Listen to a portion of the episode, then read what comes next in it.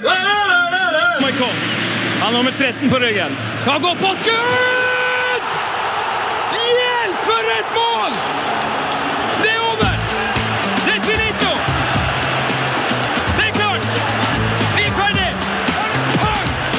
Heia fotball med Tete Lidbom og Sven Biskår Sunde. Heia fotball! Heia fotball! Og god fredag til deg som hører på. Eh, velkommen til tidenes minst forberedte Heia fotballsending. Uh, Iallfall for min del. Eh, Det er nemlig sånn at Tete Lidbom, rocketrommisen vår, han er i Barcelona på rockefestival. Eh, heldigvis så har det jo vært ei helt spinnvill fotballuke med eh, skal vi se, Det har vært EL-finale, eh, Europa League, mm, Levanger Brann. Der var jeg på tirsdag på Moan. Det var ganske ellevilt. Det har vært fi, altså, Fifa-topper som har blitt arrestert. Eh, Nordling har fått sparken. Det har vært bånn gass over hele fjøla. Altså, jeg tipper kanskje at folk nesten har glemt at David Nilsen er ferdig i godset. Altså, Så mye har skjedd en uke at man har glemt eh, at en av Norges største klubber har mista treneren sin. Eh, Så det skal være mye å snakke om, og vi har en eh, ganske så trivelig gjest òg, som eh, skal komme innom og prate om alt dette deilige. Så det er bare å lene seg tilbake og kose seg, og ikke minst kjøre catchphrasen, da. Heia fotball. Heia fotball! Deilig å være i gang.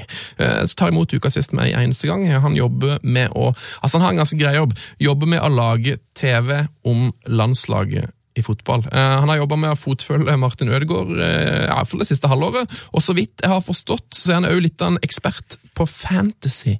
Premier League. Eh, Jonas Berg Johnsen, velkommen til oss. Tusen hjertelig takk. Eller til meg, som det blir i dag. Ja, det blir jo det. Uten tetefar.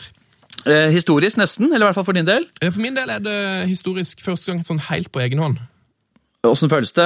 Nerver, lavere skuldre, høyere skuldre? Ekstremt lave skuldre. Ja, Ekstremt lave skuldre. Eh, Jeg vet jo at du er en mann som har snakketøy i orden, så jeg regner med det her kommer til å gå helt, eh, helt, helt greit. Ja, vi har vel studio i noen timer, så vi får satse på at vi klarer å karre oss ned på innafor rimelig tid. Ja, får prøve å klokke inn på under to timer. Ja, ok, men uh, da har vi en deal. Uh, Stemmer det at du er en av de i Norge som har vært nærmest på Martin Ødegaard? Iallfall fra pressens si- side siste halvåret. Det har jo blitt litt sånn i og med at uh, det ble eh, Martin Ødegaard-feber i høst eh, når, han, eh, når han debuterte på alle mulige måter her og der i både U21 og Godset. Må ikke du tenke butikk med en gang, da! Altså, det, så tett på han har jeg ikke vært, så det, den veien skal vi ikke gå. Nei.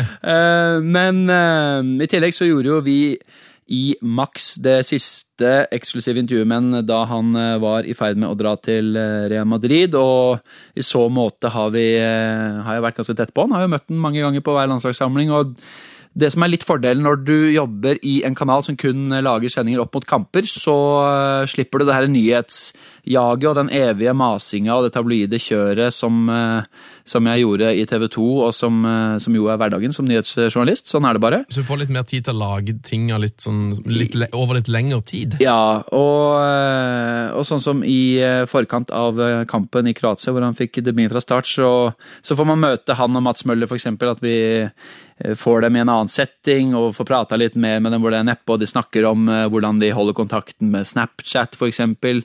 Eh, det er jo artig, fordi at man tenker jo av og til, hvert fall utenifra, kan tenke meg som supporter og tilskuer at eh, det her er noen eh, overmennesker, eller overungdommer, da, men når du sitter der med, med Knoll og Tott, eh, Dæhlie og Ødegaard, så skjønner du jo egentlig hvor eh, Det er jo to tenåringer, nå er det blitt 20 riktignok, men eh, som har akkurat de samme interessene, er på de samme, hekta på de samme tinga, spiller de samme duste, duste spillene på telefonene sine og, og holder et tøysenivå på Snapchat som alle oss eh, andre. Da. Det er jo Godt å veldig se. kult å oppleve. Ja, jeg syns det, for da Hva er det de spiller, da? Det er jo mye Jeg er så dårlig på sånt, men Candy Crush skjønte jeg var en sikker vinner. Og så okay. spiller de mm, dette her Scrabble. Ja, ja Wordfeud eller et Wordfeud heter det, ja. Ja, ja. ja. Men der ser du, ikke sant? Jeg virker som en dinosaur i den sammenhengen der. Det er helt, Eh, men eh, Så det er liksom Landslagsspilleren har jo også en WhatsApp-konto, eller sånn, ikke konto, men tråd. Nei, har de en egen Ja. gruppe? Ja, det er en egen gruppe. Og der, der har jeg ikke fått inns... Jeg skulle gitt mye ass, for å fått liksom hele den dialogen fra start til mål. Herregud. Jeg tror ikke det bare er snakk om havregrøt og bananer. ass. Nei, er, Vet du hvem som er medlemmene her? Hvem som er ordstyreren? Nei, jeg tror det er til enhver tid eh, brorparten av de som er i landslagstroppen. Og etter hvert sånn som nå, da kommer La Dama Diomande inn i den gruppa, eksempel, vil jeg tro. Eh, det, han er jo tatt ut nå, så det blir gøy, da, for han er jo barndomskompis av Joshua King. Så der kan vi få et nytt radarpar, føler jeg, hvis eh, Høgmo tør å kaste ut på de to sammen på topp. Det hadde vært fett. Han ble tatt ut eh, i dag. Tror du han får spille mot Sverige? Um? Ja, skulle tro det. Nå har jeg ikke helt oppsett i huet, men jeg tror at Stabæk sin kamp til helga neste uke går For det er jo sånn at den Sverige-kampen går på mandag, som er litt før internasjonal dato. Eller det er internasjonal dato, men det er jo uh, full runde i Tippeligaen den helga. Og de har flytta Molde-kampen til fredag, og Odd og Rosenborg-kampen uh, Vålerenga tar imot Rosenborg den lørdag 6. Men Stabæk spiller på søndag, så da skal det jo godt gjøres at Diamande spiller på mandag. da. Så, så det er ikke sikkert vi får debuten til Diamande denne gangen. Men kanskje mot eh, Aserbajdsjan. Aserbajdsjan, ja. Ja, Han tilfører jo noe helt annet enn det f.eks. Alexander Søderlund gjør, som er veldig god i boksen og sånt noe som kanskje kan være smart mot Aserbajdsjan. Men mm. Diomande har jo mer evne til å skape noe på egen hånd, da, og er litt, eh, minner litt mer om Joshua King, en fyr som kan utfordre litt. og ja, Det er litt fett om de to eh, fikk prøve seg noen minutter sammen. da. Ja, og så tenker Jeg jo, jeg tenker jo rent kynisk her nå, at han har, har jo muligheten til å spille for både Norge og Elfenbenskysten.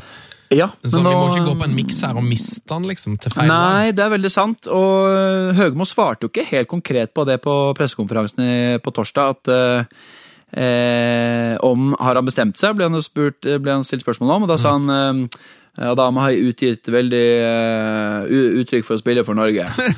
eh, og, og det er jo ikke et klart ja, egentlig. Så det kan jo tenkes at eh, det ikke er avgjort ennå. Ja, Men han har jo takka ja, så altså, da, nå, nå er det ikke sånn at han kan nekte hvis han blir bytta inn på, så må han, så må han jo spille. Det er klart, det er klart. Men hvordan er reglene der? For det er vel flere som har prøvd seg for begge land? Eller for det der er vel litt opp til forskjellige nasjoner og hva slags regler de vil ha. Ja, Så hvis Elfenbenskysten plutselig dukker opp eh, hvis han blir supergod, da. Ja jeg, tror, men jeg, tror nesten, jeg tror hvis du har i hvert fall spilt i offisiell kamp på A-lagsnivå, så tror jeg toget har gått. Det har det. Men uh, du kan jo spille på U21, og sånn kan du spille ja, Det, kan ja, spilles, som- det var jo det som var di- dilemmaet med Mix. sant? Så det var jo en kjempetap.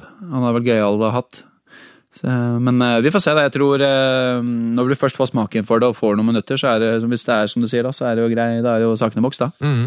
Eh, må, må tilbake på litt mer på Ødegaard her. Eh, altså, Du har lagd dokumentar om han. Eh, og Var du i Madrid og liksom fikk inntrykk av hvordan han har det der òg, når du lagde den? eller? Det vi ikke fikk tilgang på, for det her var i midt i koket like etter at den hadde dratt ned og signert, sånn at vi var jo der eh, i Madrid og tok litt temperaturen og sånn og sånn, sånn som norsk presse for så vidt har gjort ukentlig eh, ukentlig siden han eh, dro. Så vi fikk ikke lov til å besøke han hjemme. Der har han jo ikke sluppet inn noen ennå, så VG var vel på tennisbanen utafor det eh, husanlegget deres. Så jeg har ikke vært hjemme hos han, eh, dessverre. På det tidspunktet så bodde de jo fortsatt også på hotell. Ok. Så jeg vet ikke hvordan han bor helt konkret, men jeg antar at det er ganske lungt. Det er jo sånn at pappaen hans har jo den øh, konfeksjonsbutikken, herrebutikken øh, her hjemme, som ikke er helt avvikla enda, sånn at han er jo ikke der alltid. Så Han driver Ødegård klær eller noe sånt? Det, Ja. det, er- er 20 butikker eller sånt? det? ganske mange. Så bestefar skulle inn i manesjen igjen der og overta litt. Ok, ok. Eh, mens onkel Thomas har jo vært nede eh, en periode også, og bodd litt og sånn. Så det er litt forskjellig, da. Men eh, jeg tipper jo at eh, når treningshverdagen består av det det gjør på Valdebema, så er vel eh, det er ikke så farlig hvordan det bor. Nei, ikke sant. Du har nok å henge fingrene i med, med Men trening. men det som har vært litt teit, selvfølgelig, nå er det noen uker siden, men de her svære oppslagene i spansk presse som blir halvveis feilaktig gjengitt i engelsk, og så blir det på en måte sprer det seg tilbake til Norge på den måten, om, om, eh, om disse her eh, påståtte uenighetene om at han nekter å trene med Castilla og sånn og sånn. og sånn. Her er jo ting som står i avtalen om at han skal trene med A-laget.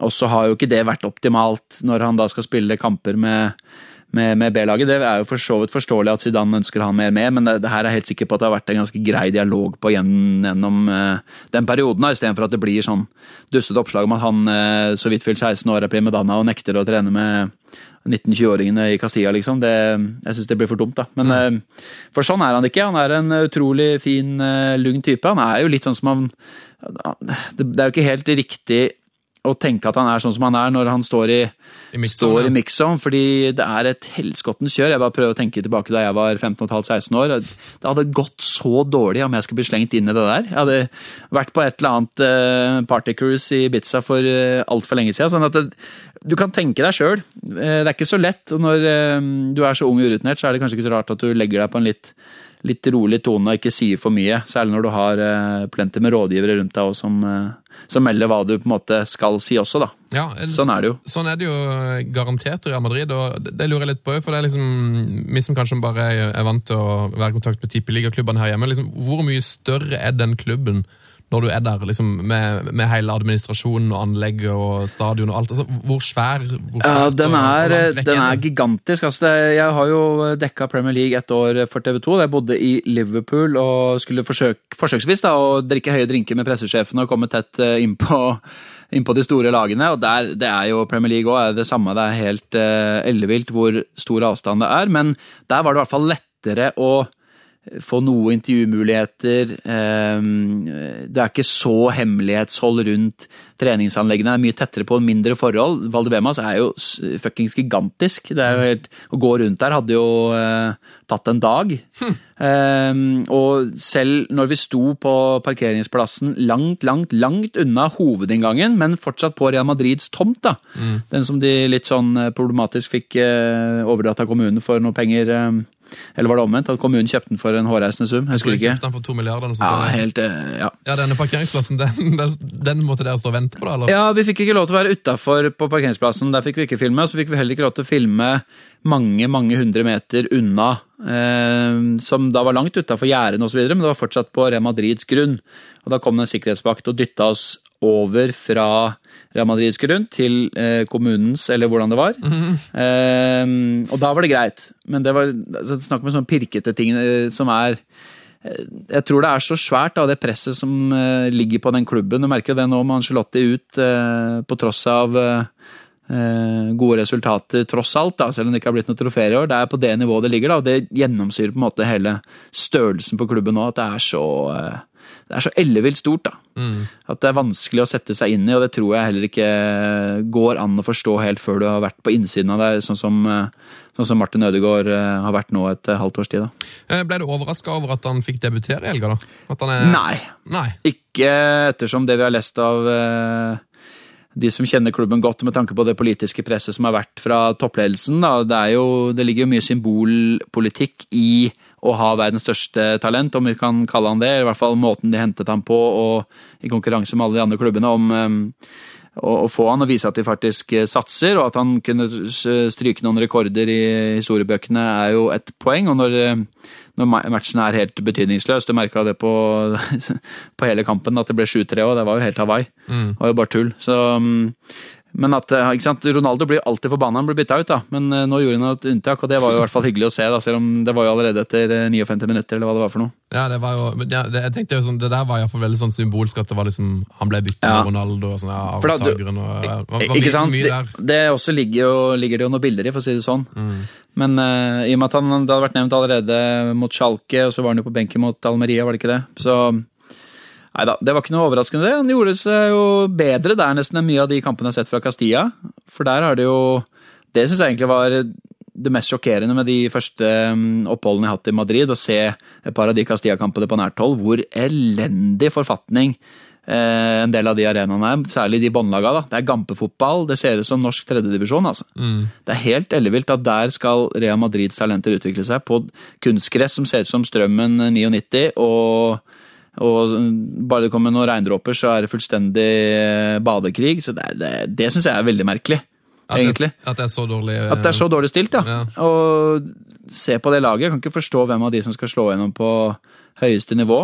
Nei, Vi snakker jo om at det er en dårlig generasjon da, i det Castilla-laget, men Men er det ikke noen, allikevel så er det noen av de som har på en måte imponert mer enn Martin Ødegaard. Så det er noe med det jo at det kanskje av og til så er det vanskelig å ta nivå når det er tomt på tribunen når det er hull i kunstgress, liksom. Ja, og så kan du ikke språket, og så blir du tror lagkameratene at du tjener eh, en halv million i uka fordi at det er blitt rapportert, og så kan du ikke spansk, og så Nei, jeg tror ikke det har vært så lett, altså, men eh, det har jo sikkert vært sunt for han til en viss grad. da. Mm. Eh, Hva er det gøyeste med Martin Ødegaard? da? Du var jo inne på den WhatsApp-gruppa her, men har du noe annet som var sånn jøss?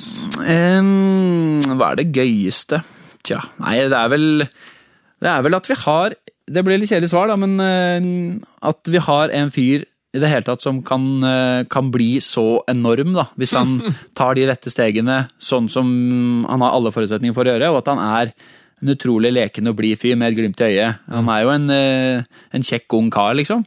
Så om han ikke hadde vært så god i fotball, så hadde han jo sikkert vært, eh, vært Det er ålreit å være god på skolelag òg, liksom, og kunne briljere litt. Da. Jeg tror Nei, jeg, eh, det er vel så kjedelig som det må det bli, altså. Men eh, Jeg beklager. håpte du hadde noen skikkelig snacks her, at han eh, liker å gå, Ja. eh, gå naken hjemme, eller et eller annet sånt da, Jonas. Ja, det er, jo, det gjør han helt sikkert. Gudene vet. De fleste syns vel det er digg å være naken, gjør ikke det? Jo da, men eh, om han gjør det, det vet vi ikke ennå helt sikkert. Ikke helt sikkert. Det gjør vi ikke. Det gjør vi ikke.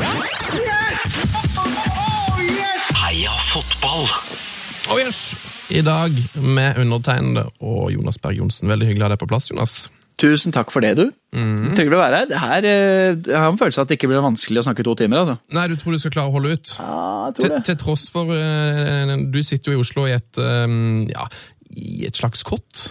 Etter. I et kott som ble innreda på 50-tallet. Det er, eh, Nå er det lenge siden jeg har vært i radiohuset på Kringkastingen på. Marienlyst. Fy fela, altså. Det er jo som å gå virkelig 50 år tilbake i tid, bare ut fra gangen som ser helt vanlig ut. Og så går man inn i disse studioene som er med sånn strievegger og gull-vegg-til-vegg-teppe fra 80-tallet, 70 kanskje. Brunt, liksom dunkle farger, grått. Liksom, ser ut som det er gulna på veggene fordi folk har røyka her i gamle dager. Det lukter jo ikke røyk her, da, så kanskje de har gjort en innsats. det er ikke som sci-fi-studio til Max, som ligger på Ullevål stadion. Ja, det gjør det, vet du. Hvordan har de ordna det? Du, ehm, det skjedde nok før min tid. da. Jeg ble jo på en måte, fikk jobbetilbud eh, da det var eh, vel oppe å stå, for så vidt. Men eh, det er jo det gamle fotballmuseet, som ikke var så veldig godt besøkt, dessverre. Og som på en måte kanskje hadde utspilt sin rolle. Så trasha de der og fikk inn et studio Ja. istedenfor. For da eh, Greia er jo at jeg jobber både i noe som heter Ullevål Mediasenter og Discovery, som eier Max og TV Norge. eh, Discovery har inngått et samarbeid med Ullevål Mediasenter om å eh, bygge dette studio. Det har de spleisa på. Og så betaler eh, Discovery Ullevål Mediasenter for å lage det tekniske innholdet osv. Og, så og så er jeg ansatt som reporter, hvor jeg da jobber eh, x antall prosent av tida i Discovery, og gjør litt ellers for Ullevål Mediasenter, sånn som eh, Tippemagasinet som gjør med Nettavisen og Norsk Tipping osv. Så, videre. så det er, litt, sånn- det er litt delt, da. Men Litt eh, av hvert. Det er jo geniale med å ha studio der, er jo at du potensielt kan ha gjester både før og etter kamp som skal se kampen, som skal spille kampen, som har spilt. Ja, der den type jo inn ting. eh, Det er fett.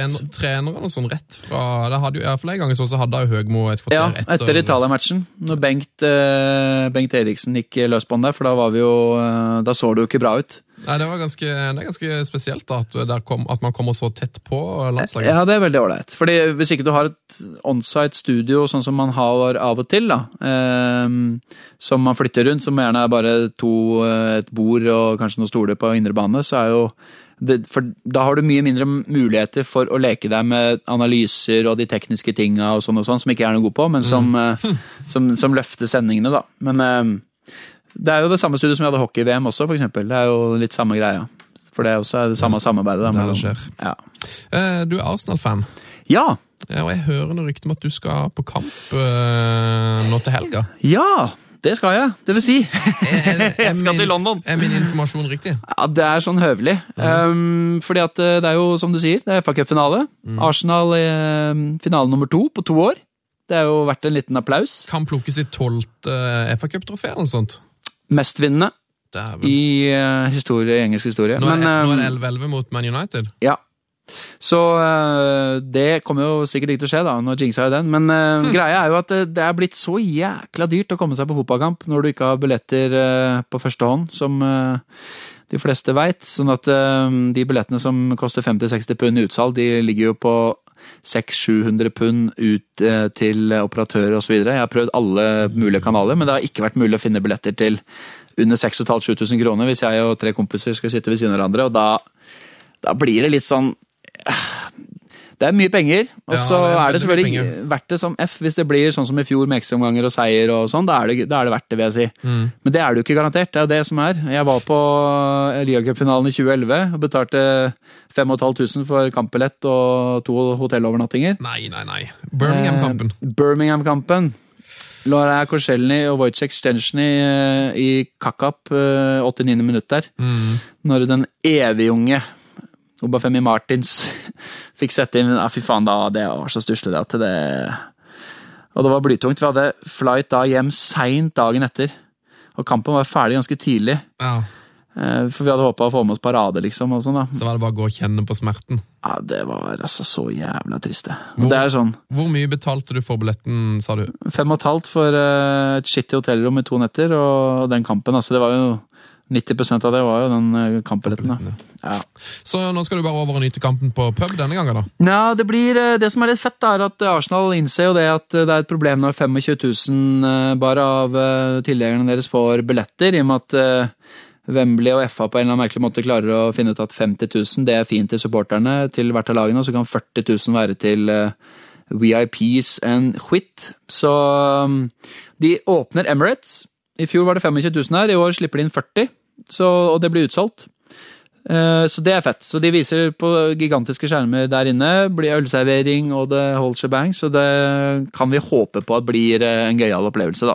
Og det koster fem pund. Det koster fem pund! Ja. Det er kompispris! Det syns jeg er faktisk ganske kompispris, altså. Så du skal se den på storskjerm på Emirates. Det er jo Det, helt eh, ellevilt. det er ganske mange nordmenn som skal over, faktisk. Så det, for å se en der, da. Mm. Som ikke har fått tak i billett, som er det samme, eller som ikke har villet betale den prisen, da. Å, det er vakkert. Eh, Jeg har hørt Jeg tror det er mm, japansk TV som driver på å utvikle en eller annen sånn eh, form for teknologi som gjør at det skal komme eh, At du kan gå på kamp, og så kan de altså Hvis det blir utsolgt på den stadion, da. Så, Ja. så har de, en- de, har de en stadion ved sida hvor du da kan se sånne hologrammer av spillerne Nei! som beveger seg. Så I framtida vil de vise hologramkamp i, i Japan. Ikke, ikke det Shit. Så du kan gå på en stadion i Tokyo og se en Premier League-match, for eksempel? Det vil jeg tro. Hvis den, eh, altså når, når denne her kommer Å, teknologien fy fela. Tenk deg inntektspotensialet. Ja, ja du, kan gå på, du kan gå på Copacabana og se Ja. Tromsø-Tromsdalen, liksom. Hell- Og så eventuelt så etter hvert så får man sånne briller som du kan bare ta på deg, og så ser du Altså, altså det er uendelige muligheter, da. Ja, og så tenk til slutt så kan du, kan du bare sitte i sofaen og se det på TV. Ja, det er vel egentlig det. ja. Men ikke gi, ikke gi Uefa, Fifa, og FA og Premier League og sånn enda mer eh, potensielle sånn TV-inntektsgreier. Det, blir- det er blitt for meget allerede. Det er for meget. Ja, men, men det blir sikkert fint å se den kampen på Emirates med Altså, det er jo ingen motstanderfans der, antageligvis. Det er det eneste som er kjipt, da. De burde jo slippe, sluppet inn en del sånn eh, London-baserte eh, Villa-fans. Ja, Så kunne man hatt noen å forhåpentligvis eh, ja, både krangle med, pælme litt øl på og, og synge sanger til.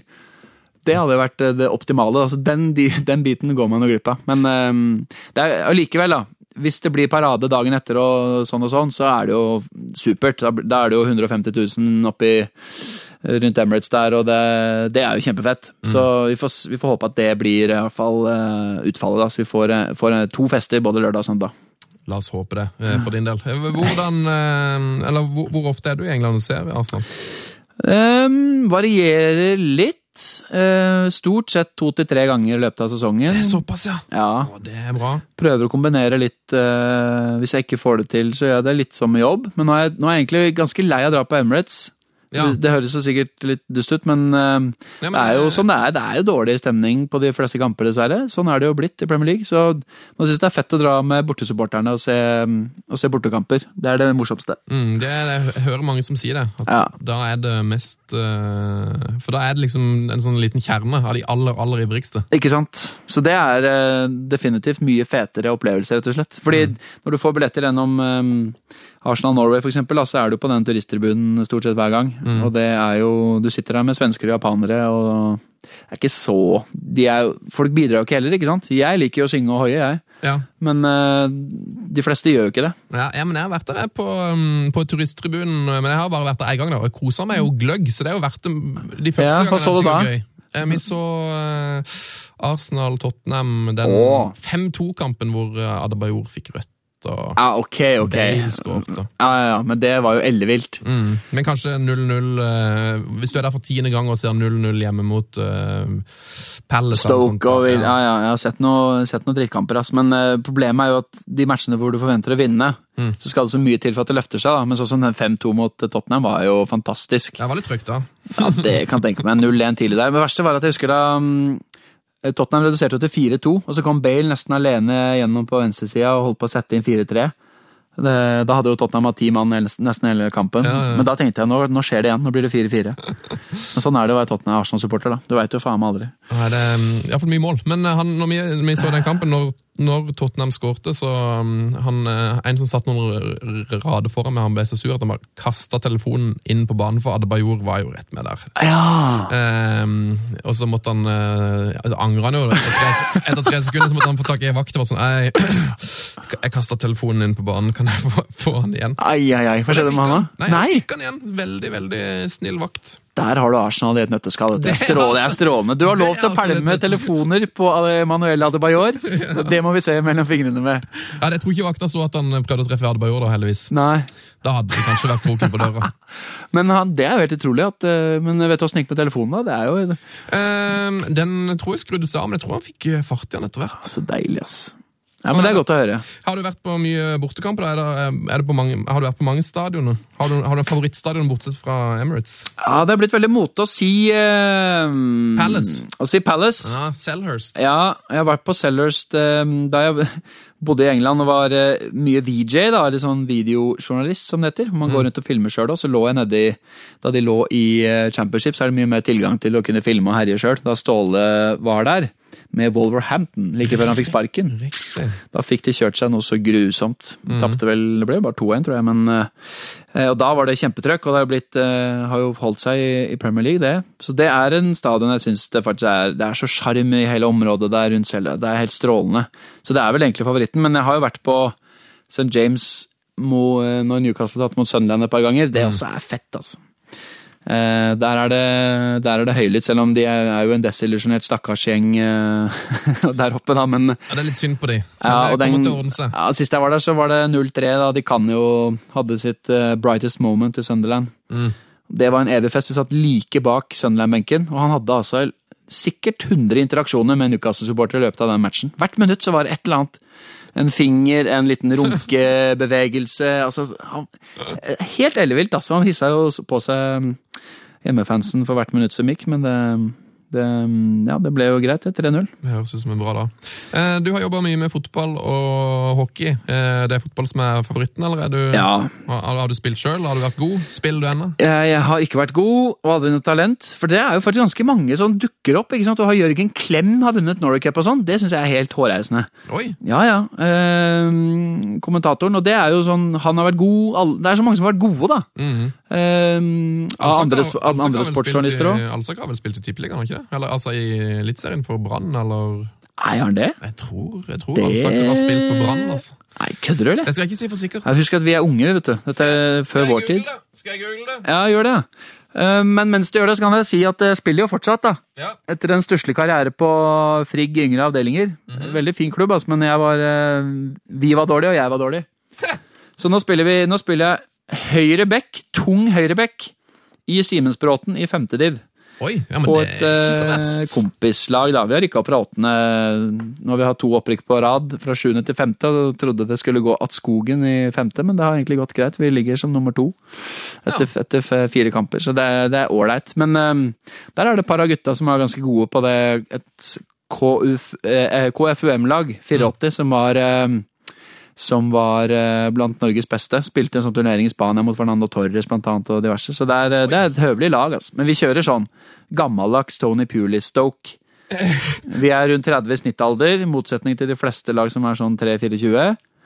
Og så er vi tunge. Snittkiloen er vel en 88-7-88 kilo, tenker jeg. Så det er eh, Men hvordan, eh, hvordan var det med Alsaker? Jeg kommer ikke til bunns i det. Eh, Nei. Det er veldig Det har jeg vanskelig. aldri hørt før, faktisk. Nei, men altså, det kan være blandet nå, for det er, sånn, det er jo så mange som har spilt, som man ikke tenker på sånn Dan Børge Akerø har spilt fotball, liksom. Hans Tore Bjerkås. Ja, har spilt på Tromsø, eller? Ja, ja, ja. på 80-tallet. var Stjerna. Ja, det, er- det, er- det er liksom noe sånt, så det kan være blande. Ja. Men hvis du der hjemme vet om hvor Øyvind Alsaker spilte, så må du gjerne sende det til oss. Vi heter heiafotball, krøllalfa nrk.no på e-post. Ja, det er fint. For det er, hvis du setter opp det kommentatorlaget og eksperter Ikke eksperter, da, for de har jo stort sett spilt, men det er ganske mange som har vært ålreite. Altså. Jeg Vi skal snakke litt eh, fantasy da òg, for jeg vet at du er en ivrig entusiast av fantasy. Ja, det er jo en ehm, Det er jo et spill som man eh, lever og ånder på en måte med, fordi det er så altoppslukende gjennom så mange måneder av sesongen. Ja. I tillegg til det å skulle være, jobbe med dette her og eh, ha Arsenal eh, tett til sitt bryst, så krever jo det det krever jo mye tid hvis du skal bli god, og i år så har jeg vært altså så eh, ræva, da. I hvert fall i forhold til egne standarder. Først dårligste sesongen siden 08-09. Eh, for jeg ble nummer 228 i verden i fjor. Å, helsike! Ja, Det er jo helt spinnvilt. Det er ganske ok. Eh, men da, da var det marginer Altså, jeg traff på alt, da. Ja, Hvor høyt kom du i Norge da? Eh, Jeg hadde, på et tidspunkt i fjor så hadde jeg eh, lag nummer én og to i Norge. For jeg hadde et sånn tullelag som jeg bare tøysa med, egentlig, som gjorde det fryktelig bra, det òg, da. Da fikk jeg sånn eh, folk, fremmede folk som skrev til meg på Facebook og Twitter og som lurte på om det var meg, og, og liksom hva som var hemmeligheten og sånn og sånn. Og det er jo vanskelig å forklare, fordi man må jo bare være litt eh, Se hvem som kommer til å gjøre det bra. Så må Les- du ha litt flaks i begynnelsen av sesongen òg, ofte. få litt prisjusteringer tidlig der og sånn og sånn. Så, Men da traff jeg på absolutt alt. Wow. Hadde sånne hinsides captains gamblinger og, og sånne. Men eh, i år så gikk det skikkelig på rattata, så jeg ble nummer 20 000 tror jeg, noe sånt i verden. Og det er jo, det er jo ikke krise, men eh, skal du være med i de tøffe ligaene mm, som man er med i, så er ikke det Det holder ikke, vet du. Det holder ikke i det hele tatt. Um, Men det er kult. Spiller du òg? Jeg spiller, og det går veldig veldig dårlig. Heia Fotball har jo en eh, Ja, den har jeg vært med i, faktisk. fantasyliga, eh, og der kan man jo bare gratulere Jo Gusta, som hadde et lag som heter FC Hammer, og de vant med De fikk eh, 2300 poeng blank.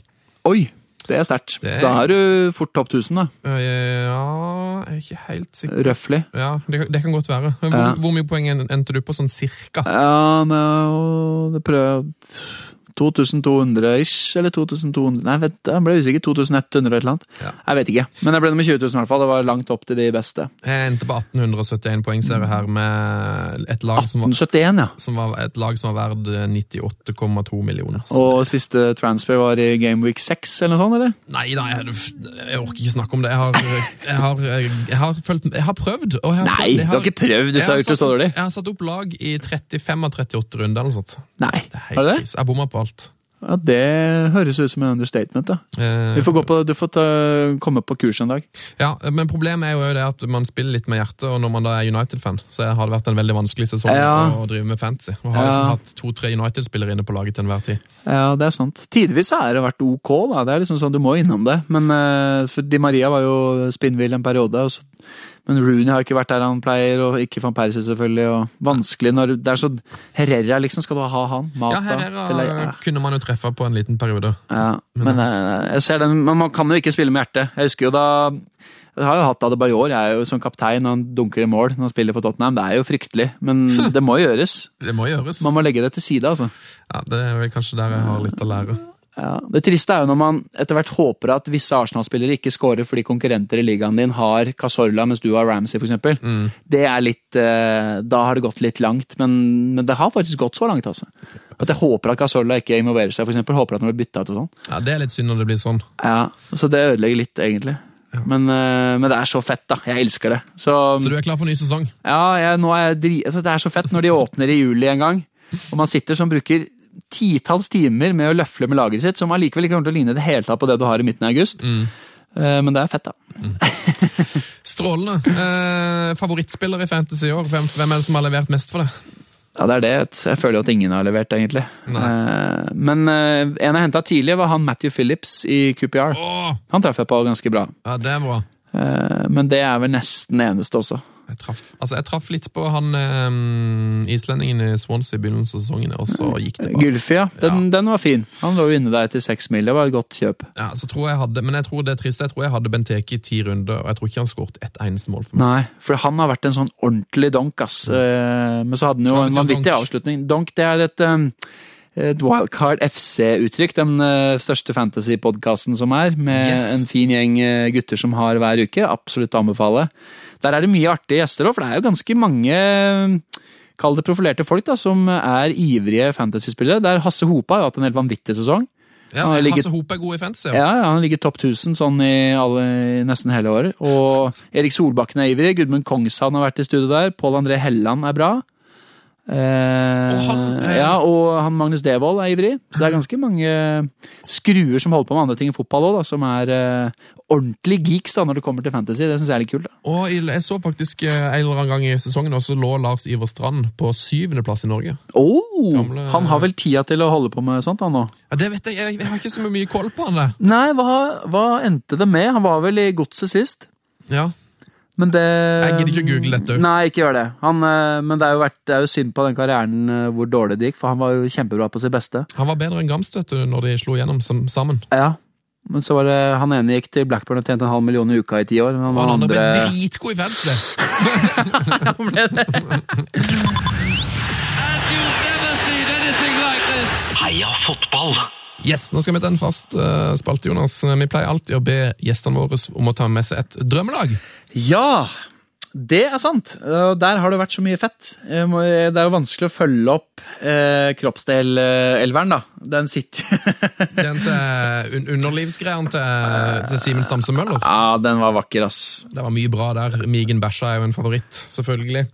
Ja, Den researchen hans, den synes jeg den er imponerende, ass. Jeg mistenker at han hadde jobba lenge med det laget. Ja, det tror jeg. Og nå er det ikke så lenge siden jeg satte opp uh, dette laget som jeg har funnet ut, da. Men jeg var ganske tydelig på temaet tidlig. Ok, men det er bra. For jeg har en gammel favorittspiller som, uh, som uh, hører hjemme på det laget. Jeg har Hvem- hvem er det? ja, Det kommer vi tilbake til. Okay, vi må okay. ta det litt stegvis her nå. Ja. Eh, Hva er, hva er temaet, eller vil du ta formasjonen først? Eh, vi går ut i en eh, god gammeldags 3-2-3-2-formasjon. Litt sånn. Italia sent 90-2000 der. Med tre stoppere, to dype sittende, og så tre, tre offensive lekkerbiskene, og så to uh, sluggere på topp. Og det er altså fengselsfugler som er tema, da. Yes. Eh, fotballspillere som har leflet med eh, en kriminell løpebane. Noen er med fordi de er noen utrolig kule fyrer eh, som har gjort eh, mye rart. Mens andre er med fordi det er noen eh, enorme drittsekker, eller i hvert fall skal man tro alle avisoppslag og anklager. Det er jo noen her som er med kun på at de har vært sikta for ting. Jeg har liksom lagt lista der. Oh.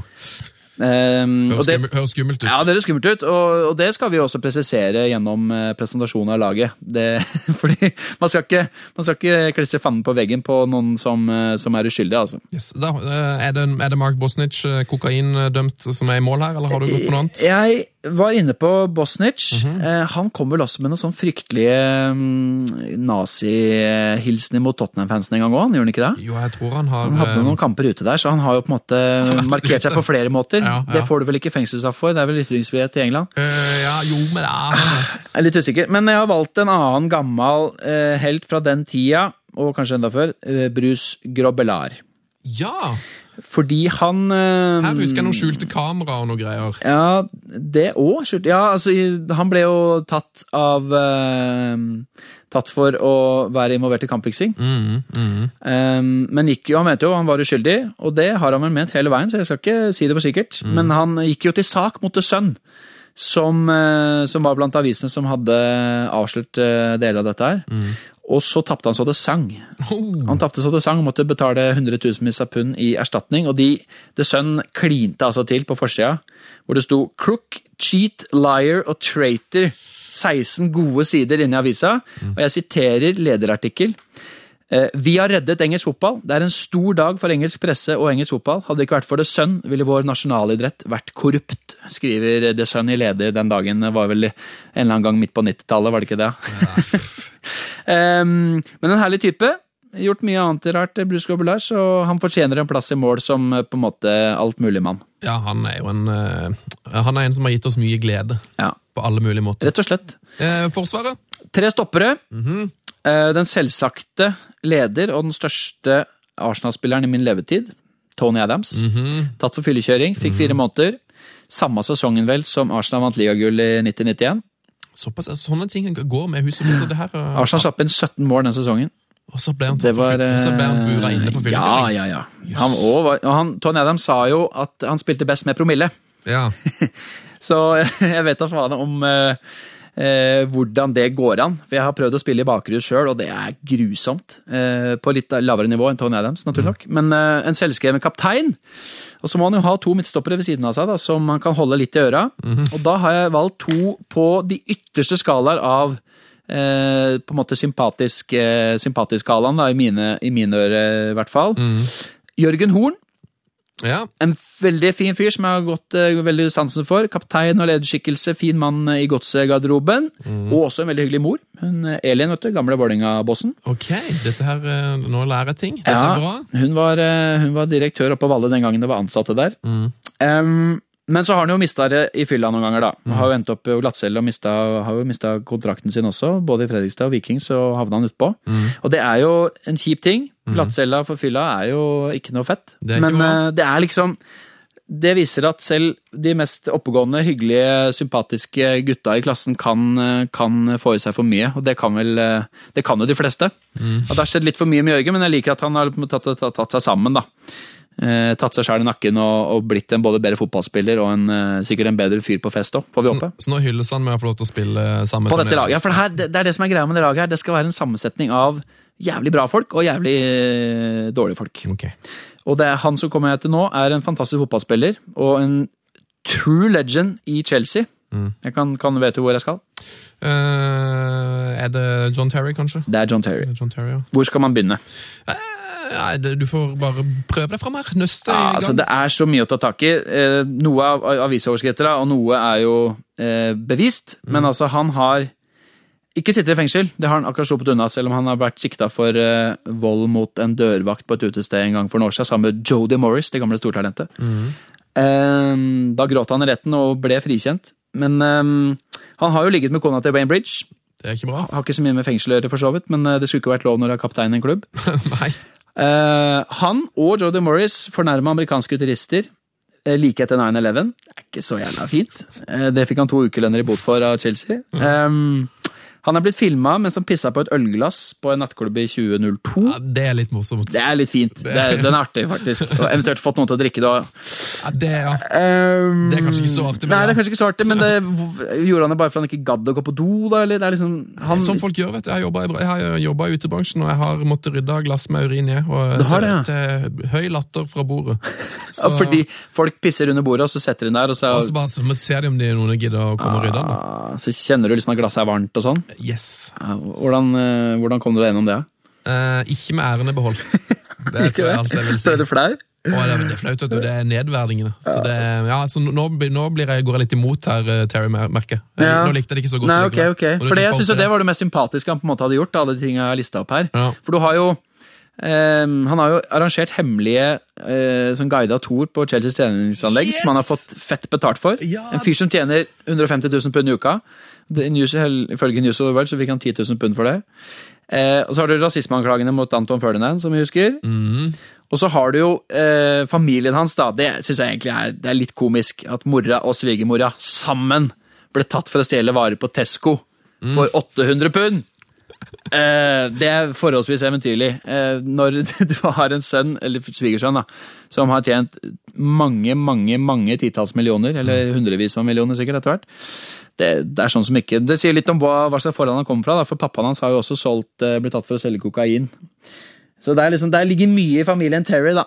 Det er mye å ta eh, tak i Som gjør at han eh, hører hjemme på et sånt lag, da. Åh, det var bra at du tok opp den der med at han hadde hatt de der guida turene, det syns jeg var så gøy. Og så har han jo også, har han ikke det, i tillegg le- leid ut, eller tatt seg betalt for å, den der eh, Captain's Lounge på Wembley, når eh, England har spilt landskamp. Det tror jeg også, som en, liksom en del av den greia der. Kongefyr.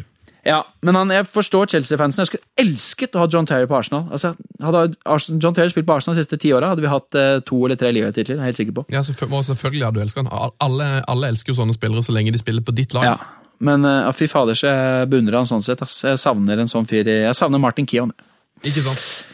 På Def Midten um, så vi kanskje prøvde å unngå liksom de mest opplagte, egentlig, da, men nå tenker jeg jo John Terry er for så vidt litt opplagt, men Winnie Jones han må spille der. Um, fordi han gjorde Det han er blitt dømt for, er 80 timers samfunnstjeneste og 300 pund i bot for å ha angrepet en medpassasjer, en TV-fyr, på en eh, flight fra London til Tokyo. Og et eller annet ting som skjer på fly, alltid fascinert meg. Ja. Som gjør at fly liksom var mellomlandene. Hvor, hvor gæli går det an å oppføre seg, liksom? Eh, jeg husker da jeg var på vei hjem fra eh, Sunny Beach, Bulgaria. Eh, også kalt Bloody Beach. I 2007, det var faktisk den uka den ble omdøpt, da det var tre dødsfall på en uke. Ganske tragisk. Mm. så var vi på vei hjem i et sånn chartra fly. Ving heter det jo, reiseselskapet, men de flyr med noen sånne gamle russiske baljer. Med noe innleid bulgarsk mannskap som ikke hadde kontroll på noe som helst. Og da var det noen folk på det flyet som eh, begynte å helle vodka i midtgangen og holde lighter like over Og på, Det var sånn vegg-til-vegg-stemning. Det var, det, var ikke, det var uggent, ass. Det høres ikke bra ut Nei. det hele tatt. Så, så det, det der med at ting skjer på fly, det, det har jeg litt noia for, faktisk. Det syns jeg ikke er noe stas, men det gjør at Vinnie Jones får plass her, da. Gratulerer, Vinnie. Bra. Han var vel en av de jeg hadde sett for meg på forhånd at du kunne ha en Ja. sjanse til å spille seg inn her. Ja, så han var litt, eh, litt selvsagt, men en som ikke så mange har hørt om, kanskje, Mm. som er grunnen til at jeg ville ha en fengselselver, det er David Hillier. David Hillier, det er her uh, ringer det noen bjeller langt baki. Han spilte midtbane på Arsenal, vant cupvinnercupen 94-95, 93-94, da? Parma var storfavoritter. Da stilte Arsenal en midtbane med han, blant annet, og Steve Morrow. Altså, det er uh, ellevilt at det laget der vant noe Europacup. Ære være George Graham. Men David Hillier, grunnen til at han er med her, det er at han ble tatt i å stjele kofferter på Gatwick mens han spilte i Arsenal. Oi! Riktignok så tjente man ikke så mye penger den gangen, men eh, at du bruker fritida di på å stikke ut på Gatwick og stjele kofferter eh, Blant annet en dansk businessmann, eh, husker jeg. Han tok en koffert med masse datautstyr og klær og herr jøsses. 750 pund i bot, bot fikk Hillier. Og så ble han transferlista i Arsenal i etterkant. Men det var jo kanskje fordi han var en elendig fotballspiller. Og så spilte han på sentral midt tidvis med Martin Kion og Jon Fakse Jensen. Altså, det er eh, Det er tungt. Ja, det, det, det er klart at en sånn midtbanetrio, det er ikke rart at du må på en måte løse opp litt og komme deg ut på Gatwick og stjele kofferter innimellom. Ja, for å liksom Den derre 1-0 to the Arsenal var jo på topp på den tida her. Mm. Eh, nei, det var eh, ellevilt. Så David Hillier er selvskreven der. Og så har vi en leken trio på offensiv midtbane. Ja, nå kommer det noe kreativt. Ja. herre. Ehm, vi må ha et norsk innslag til. Vi skal til Bodø, og det er ikke så lenge siden. Bodø, Bodø, Bodø. Ja, er det Ibba? Ibba må med. Ibba. Han hevder jo sin uskyld, det skal sies. Um, men han fikk 10 000 kroner i bot. Telefontyveri i Nordlandshallen? Yes. 10 000 kroner i bot av Salten politidistrikt for å ha stjålet eh, mobiler i Nordlandshallen. Og om han er skyldig eller ikke, han er dømt og hører med på laget. Vi må ha litt sånn norske krydderinnslag. Ja, det er topp, og Han tjener jo nå til livets opphold i Kina, Ja, og tjener vel fem mill. i året. Så, Det er så spinnvilt, det. så da slipper han kanskje å, å Stjele mobiltelefoner. havne i rettssak. Men er sånn? sin Igjen. Fordi, ikke sant, Her snakker vi om noen som ikke er dømt, men sikta for ting. Eh, han er jo dømt, da, så det, det er jo greit. Men selv om han, han har kanskje ikke gjort det. da. Han hevder jo at han ikke har gjort det. Hvor, lenge, hvor, liksom skal, hvor hardt skal man dømme folk som er på en måte, når de fortsatt hevder sin uskyld? da? Det er, Jeg vet ikke hva jeg skal si. jeg. Nei, men han har vel, Hvis han har sona sin straff, så må vi jo bare si at eh, vi er ferdig med det. da. Ja, det er vi. Det er jeg, veldig, jeg føler jeg er veldig ferdig med det. De, de, de, de mobiltelefonene sikkert kommet til rette og alt. Um, og så har vi Bradley Wright Phillips. Ja, Sønnen til den gamle Arsenal-legenden Ian og lillebror av Sean. yes. Ble liksom aldri noe av de gutta ordentlig. Nei, Sean eh, hever vel fortsatt eh, 1,3 i uka i QPR eller noe sånt, fram til i går. Ble han frigitt i går? Ja, han var blant den gjengen som ble frigitt, han kanskje? Ja, jeg tror han har vært i QPR frem til nå. Som alle andre kvalitetsrøske som eh, fikk avskjed på grått papir der. Jeg så det. Men han ble altså tatt eh, Det ble videoovervåka da han og Nathan Dyer, blant annet, da de var unge i Southampton for noen år siden, stjal fra veska til en bartenderdame som tjente 550 pund i timen, minstelønn. Og de stjal altså 145 pund, noe student-ID-kort og sigaretter. Sigg, ja! Ja, det er ganske Det er nedrig. Det er litt smålig. Når du er superdam. Han var vel 23 år den gangen nå, til og med. Han var såpass, ja. Han Ja. var på høyden, han da, Bradley, Bradley Wright Ja, han var på, Phillips. han var på høyden, ja. Ja, det syns jeg var nitrist. Og så er det en fyr da, som jeg var mest usikker på om jeg skal ha med her. Ehm, for han er jo heller ikke dømt. Rettssaken pågår i disse, disse dager i Sunderland. En fyr som har blitt beskyldt for å ha eh, hatt sex med en 15 år gammel jente. Ah, jeg frykta at han kom. Ja. Adam Johnson. Ja, det er liksom, Han er ute i den ytterste, ytterste grønnskålingperiferien altså, på dette laget. Jeg mener, Hvis du er profilert fotballspiller, har samboer, er 27 år og må ty til å ligge med mindreårige Nå er han ikke dømt, da, så vi får se hva som skjer nå. Det er 3. juni, så kommer, kommer, eh, blir saken endelig avgjort. Men eh, det er sånn at det går an, liksom. Det, det er fysjom. Fysjom Adam Johnson, hvis det er sant. Vi får, eh, vi får se hva rettssystemet i England konkluderer med. Um, men en god kantspiller. Han er jo inne i Sunderland igjen, da. Inne i varmen. Han får Ja, det spille. syns jeg er. Ja, det er litt rart. Men det er klart, du er ikke skyldig inntil du er dømt. Det er helt Men det er kanskje vanlig at man, at man holder dem eh, ute av laget når man er utsatt for sånne type anklager, da. Uansett. Jeg vet ikke, Det er vanskelig sikkert for Sunderland der òg. Hva skal de gjøre, liksom, hvis de tror på han? Mm. Eh, det er veldig Det er ikke noe gøy, det der med sånne, sånne tilfeller, altså. Absolutt ikke. Men på topp så er vi to gøye typer. Ok. Eller jeg vet ikke om han ene er så gøy. Um, fordi jeg måtte jo eh, Jeg hadde noen ideer om hvem jeg ville ha med, men jeg måtte google litt. da, jeg må innrømme det. Marlon King. Jamaicanske spissen. Han har masse Han er dømt for mye. Han, er dømt for, han var den som var dømt for mest, Ja. for å si det sånn. Den mest kriminelle. Ja, både i Barnet, Gillingham, Watford og Wigan har han eh, ting på samvittigheten. Alt fra vold, selge stjålne biler, kjøring uten lappen, som han sitter inne for nå, og kredittkortsvindel. Yes. Jeg skjønner ikke hvordan han har tid til alt dette. Han må jo trene og spille kamper og sånn. Han har vært i 11-12 forskjellige klubber. Han er jo en eh, fyr som åpenbart Han har jo et fysisk potensial, men han, eh, han ble altså sist frisluppet da av Sheffield United. Nigel Clough var ikke så imponert over han. Synes han er litt, litt Eh, ufokusert. desember 2013. Han har holdt på med for mye annet. Han ser jo alltid litt tung ut, så det er kanskje det er, det er for lite trening og for mye stjerning av biler. Mm. På topp så skal han få følge av en gammel argentinsk helt. Ikke Diego, Ikke Diego. men Claudio Canigia. Å, yes. Fordi vi måtte jo ha med en kokainmann. Mm. Eh, 13 måneder utestengt ble han jo. Mm. Eh, jeg husker da jeg var liten, så det var første gang jeg, da jeg var åtte år i VM i 94. Da var det noe, Han gjorde en slags figur der, det var ikke veldig bra, men han, det, det husker han.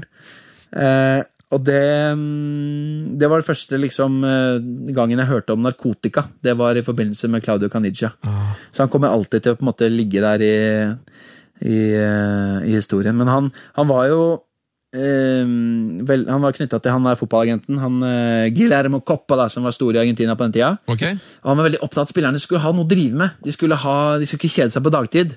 Så han arrangerte svære fester med dop og alkohol og lettkledde damer. Og orgier, ryktes det om. For en kongeagent. Ja, kjempeagent.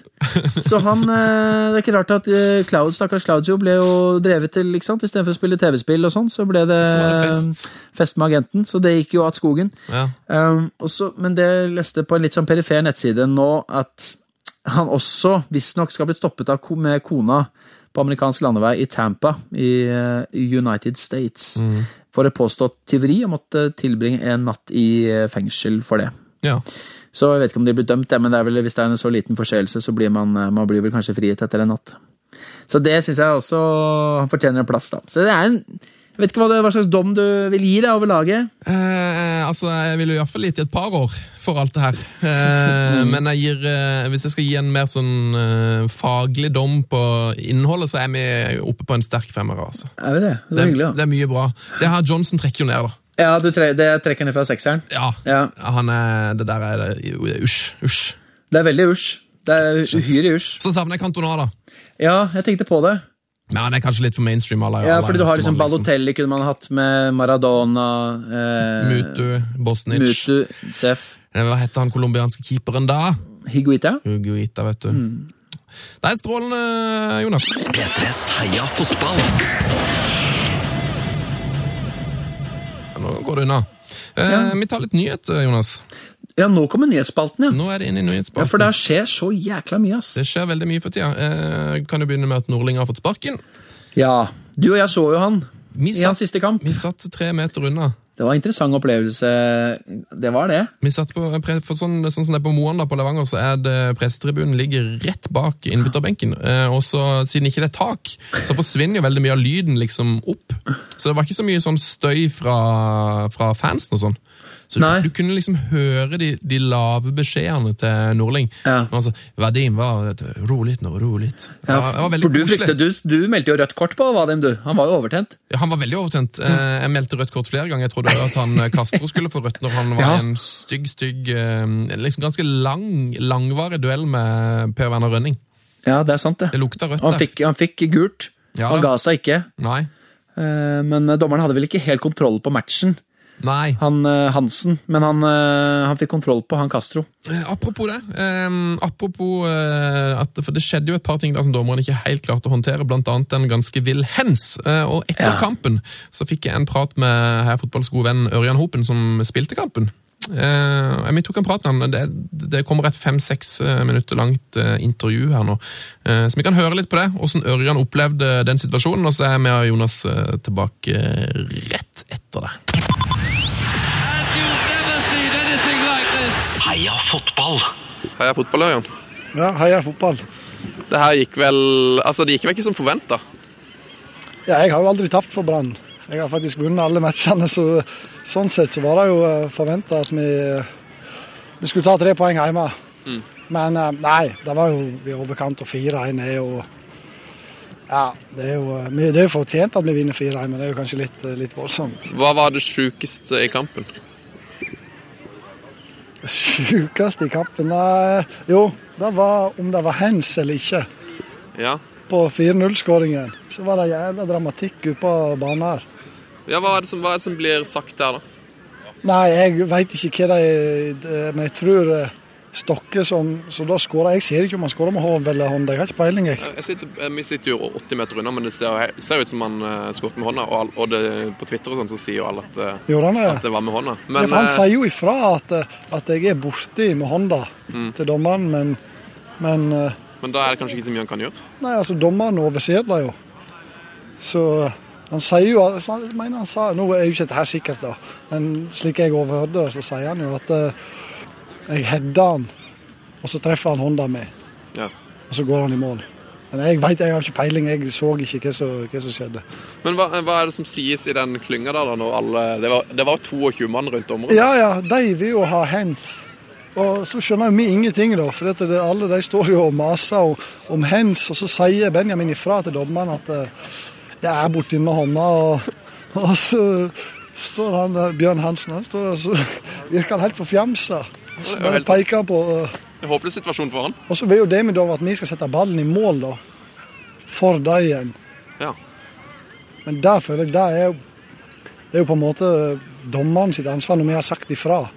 Så eh, nå ble vel da neppe matchavgjørende uansett, da. Men det var jo det var det sjukeste som skjedde ute på her. Og så skrudde du inn en liten, uh, liten Hopen-varsel der òg.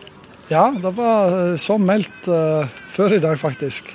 Da meldte jeg fra 25 meter. Jeg vet ikke hvor langt det er fra første stolpe og ut til cornerflagget. Det er jo uh, Det må jo være 16, da. Pluss uh, ja. Pluss en 6-7, kanskje. 5-6. Ja, da er vi oppe i par og 20, da. Ikke så verst, det. Nei, det er jo klart litt slingringsmonn må vi ha. Det er synd at du har slutta med gambling. For, altså, in, hvis du hadde satsa på Hopen på innskrudd corner, det hadde blitt bra utbetalt. Ja, det hadde jo Men nå, nå tror jeg faktisk den oddsen er på vei ned. Drastisk sådan. Ja. Så Ja, for det her begynner jo å bli en ja, tradisjon. ja, ja, ja. Nå jeg tviler på at du får mer enn 1,65 neste gang jeg møter Brann hjemme. På at du skrur den i mål, ja. Ja, jeg tror faktisk du, du får 1,65 på Hopen, skrur den i mål, og så får du, får du 3,70 på Hopen skåra. Så får du 9 på Brann. Ja, ja, ja, i hvert fall. Pluss to på Brann. Mm. Der får du 9 på. Eh, Du har skåret på corner mot dem før. Ja, 2011. Da, den var jo litt bedre, da, for den gikk jo rett i nettet. da. Ja. Jeg, prøv, du, så jeg prøvde jo på det før der òg. Okay. Udjusen akkurat fikk eh, fistra den over. Så han skjønte jo antageligvis hva som kom. Nei, det var deilig, da. Men eh, er det sånn når du, når du slår den, prøver du å skyte mål, eller prøver du å legge den i feltet? Nei, det er, det er mange som sier det til deg, at jeg prøver å skyte, men det har jeg ærlig aldri gjort. Men jeg, vi skal jo stable alle inn på to, to og en halv meter, sant? og da, hvis du da skyter eller ikke skyter på mål, men du skyter ballen inn i feltet der, så kan han fort gå i mål. Så ja, sånn er det. Det er nydelig. Eh, Hvordan blir det Det var 2500 folk her. Eller eh, Spiker sa 2005, og jeg frykter at det, jeg tror kanskje at det var mer. Men det var litt sånn Ja, da har vi tilskuertallene. Det var 2000 Ja, vi får, vi får si fem, da. Jeg sa det nettopp til Stjernen at vi kunne jo ha kosta på oss 2477 eller et eller annet, så det ikke virka helt uh... For det kan ha vært flere her. Men de har kanskje ikke lov til å Nei, nå veit ikke jeg akkurat hva slags uh, reglement Jeg har nok med reglene ute på banen. Så uh, dette regner jeg med Stjernen og kompani har full, full kontroll på. full kontroll på. Ja. Uh, vi, eh, vi fikk jo med oss at det var et dopenvarsel siden sist du var innom her fotball. ja. Vi kjørte jo en liten, uh, liten spøk på, på uh, daglig leder Stjernen der. Ja. Han gikk jo, gikk jo fem på. Jeg var jo litt sugen på å dra han litt lenger, da. Ja. Men uh, da, da ville ikke klubbledelsen, da, så jeg har jo respekt for det. Så eh, Vi kjørte jo en spansken på Holmberg her, treneren vår. Okay. Så uh, det kommer jo eh, ut på torsdag. Oi, Så da må du følge med. er det luring på gang? Ja, det er noe eh, litt deilig skjult kamera ute og går der. Ja. Men den eh, dopenvarselen, hva var det var du, du sa at du var tatt for et eller annet? ja, det var vel først og fremst kokain. Så Først og fremst kokain, ja. det var det som var hoved, eh, hovedissuen der. Da hadde det gått litt hardt for seg nede på, ned nede på den velkjente stripa nede på La Manga. ja. Så eh, jeg gikk jo inn på kontoret til, den nevnte Stjernen og la meg Jeg rakk vel aldri å komme så langt og legge meg paddeflata før, eh, før de kom og avslørte spøken, men jeg, jeg var jo klar til å dra han, eh, dra han litt. Syns han det var gøy, da, eller ble han Hvis det, er, hvis det er lov å si for øvrig. Ja. Ja. Nå må du mikse den hopen. Forfølge deg bort. ja. Ja, Vi får et bilde etterpå. Jeg har mye å fortelle. for du må invitere meg inn igjen snart. Ja, du må det. Ja. Ja, men Nå har vi åpen miks, eh, hva er det viktigste å fortelle før du må i mikseren her nå? Nei eh, Det blir for lange, de historiene jeg har. Jeg trenger faktisk en ja, 90 minutter. Så jeg trenger, jeg trenger en hel episode, skal, skal folket få høre. Ja, det er strålende. Men eh, det var strålende å ha deg med på Heia fotball nok en gang, denne gang utendørs. Du er selvfølgelig alltid velkommen tilbake. Det, det er som vi sa sist, at uh, når uh, TT er vekke, så regner jeg med at jeg kan steppe inn så, uh, så Som sidekompanjong. Ja, ja, ja, ja. ja, Det er ingen dårlig idé. Nei. Strålende. P3s Heia fotball med Tete Lidbom og Sven Biskår Sunde. Eh, Hopen her eh, snakka jo om at eh, Demidov hadde sagt til dommeren at eh, han hadde liksom krevd at, at Levanger skulle skåre et selvmål her. Ja, det er jo Burde interessant, ikke det, ass. Var ikke det et litt godt forslag der for Demidov? Jo, egentlig. Det har jo skjedd før. Det det er ikke så lenge siden at det ble skåra et sånt mål etter at ikke sant? Det er jo sånn man gjør av og til når det skjer eh, åpenbart feilaktige ting, eller at dommeren ikke har fått med seg noe, eller det er uhell, eller hva som helst. Var det ikke på Åråsen for ikke så altfor lenge siden? Hvor det skjedde, hvor et, et sånn, Jeg skulle egentlig bare pælme tilbake etter at noen hadde spilt ballen ut, og så spratt den over keeper og mål. Ah, dette husker jeg Det kommer jeg på akkurat nå. Kanskje det, det, er, lenge, det er noen år siden sikkert, da, men eh, det, jeg synes det, det Den situasjonen der han, eh, Benjamin Stokke gjorde jo alt han kunne for å forklare hvorfor hånden hans tilsynelatende var der oppe naturlig. Eh, og Jeg har sett de bildene noen ganger. Jeg vet ikke helt om jeg tror på han, selv om han, han, eh, han Du kjøper ikke, du kjøper ikke at det var ikke med vilje, Hens? Ikke helt Eh, skal vi snakke litt om Mourinho? Ja! Eh, altså, det, er- det, jeg ble ikke så glad i det her. Eh, Det kom et klipp fra når de feira, mm, når de feira seriegullet på søndag eller mandag, eller når det var. Og da, på et eller annet tidspunkt, så får Mourinho en mikrofon, og så begynner han å synge.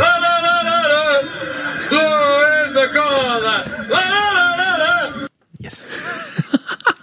Vi det en Ja, gang det er strålende. Vi det en gang til. Jeg blir så glad av det. Hva er det han prøver å si? Det er en Chelsea-sang. Blue, in- Blue in the corner. eller Et av Er det det? Eh, vi kan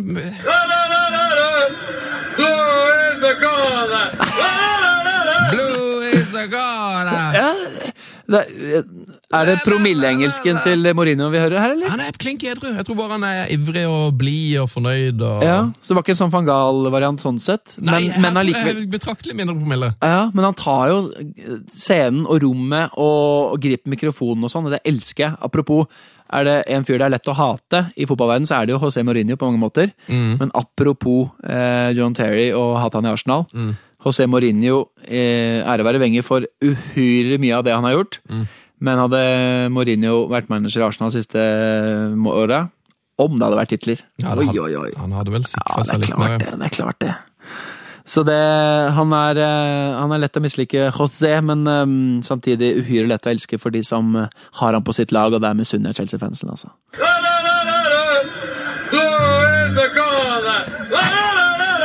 Jeg tror jeg hørte 50 ganger. Det Men, helt men det her med hvor, hvor mye kan managere drite seg ut, på en måte? Hva er greit? Alt, tror jeg. Ja, er det det? Ja, iallfall det er det jeg tenkte med, med van Gaal, at han driter seg jo litt som det ut der, men Ja. nesten alle jeg har snakka med, eh, men de er jo veldig likesinnede som meg, da, skal sies. Eh, Nesten alle jeg snakker med, elsker det jo. Ja, men du snakker, det er lett å, du snakker bare med likesinnede, vet du. Da, da, da får man jo de samme bekreftende svarene. Ikke sant? Men, eh, Men sånn nei, er det jo. Jeg, jeg syns det er kult, det. At de, at de drar på litt. Men, Ja, jeg òg. Altså, Du ser jo på sånn som eh, han godeste i Aston Villa, Tim Sherwood. Mm.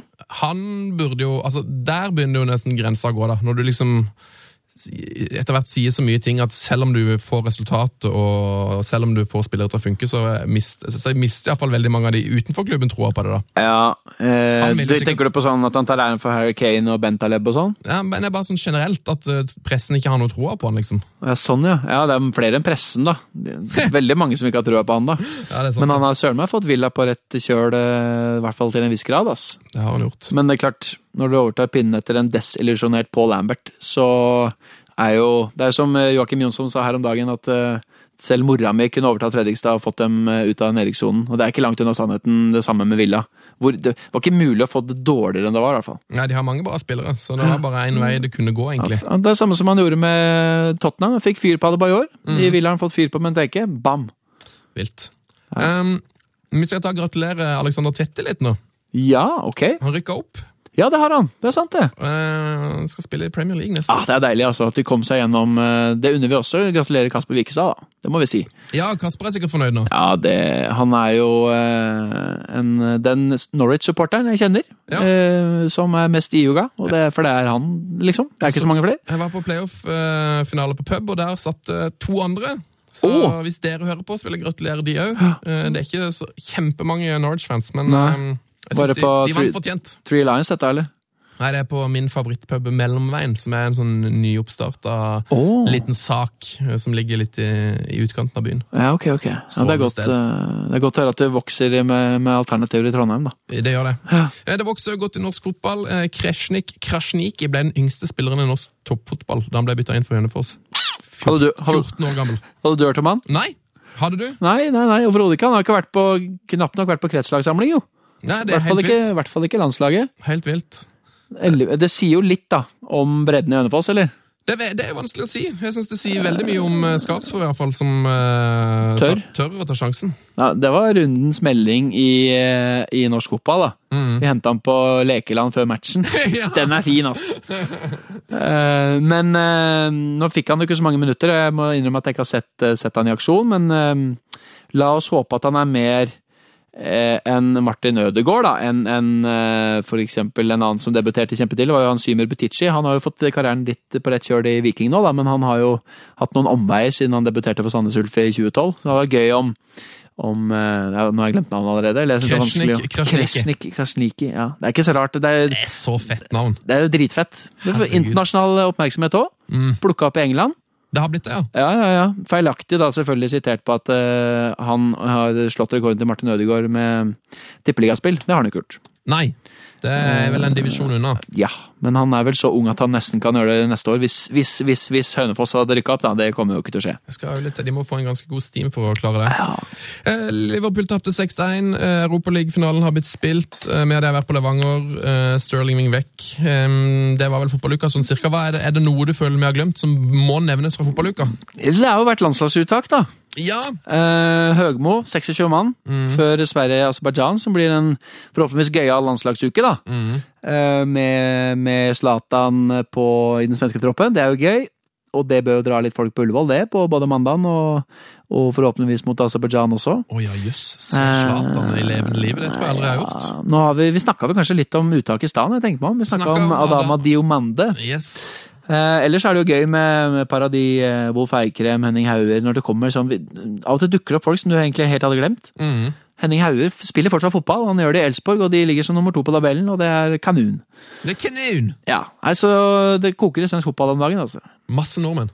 Det er veldig gøy. Ellers så tror jeg det vel eh, Du hoppet galant over Steven Gerrards siste kamp i engelsk fotball der. eh, På en måte 6-1 Stoke. Ja, nei, Nok, det, nok med det, liksom. det siste Steven Gerrard har gjort nå, er jo den der eh, som er for ganske fantastisk. er jo det lille lydklippet hvor de synger for Colo Touré. Ja, ja, ja. ja, ja. Heller la det være hans siste, tenker jeg, enn den 6-1-kampen. Det må man Ja, glemme. det er jo et av hans største oppturer siste året, nesten, for Steven Gerrard.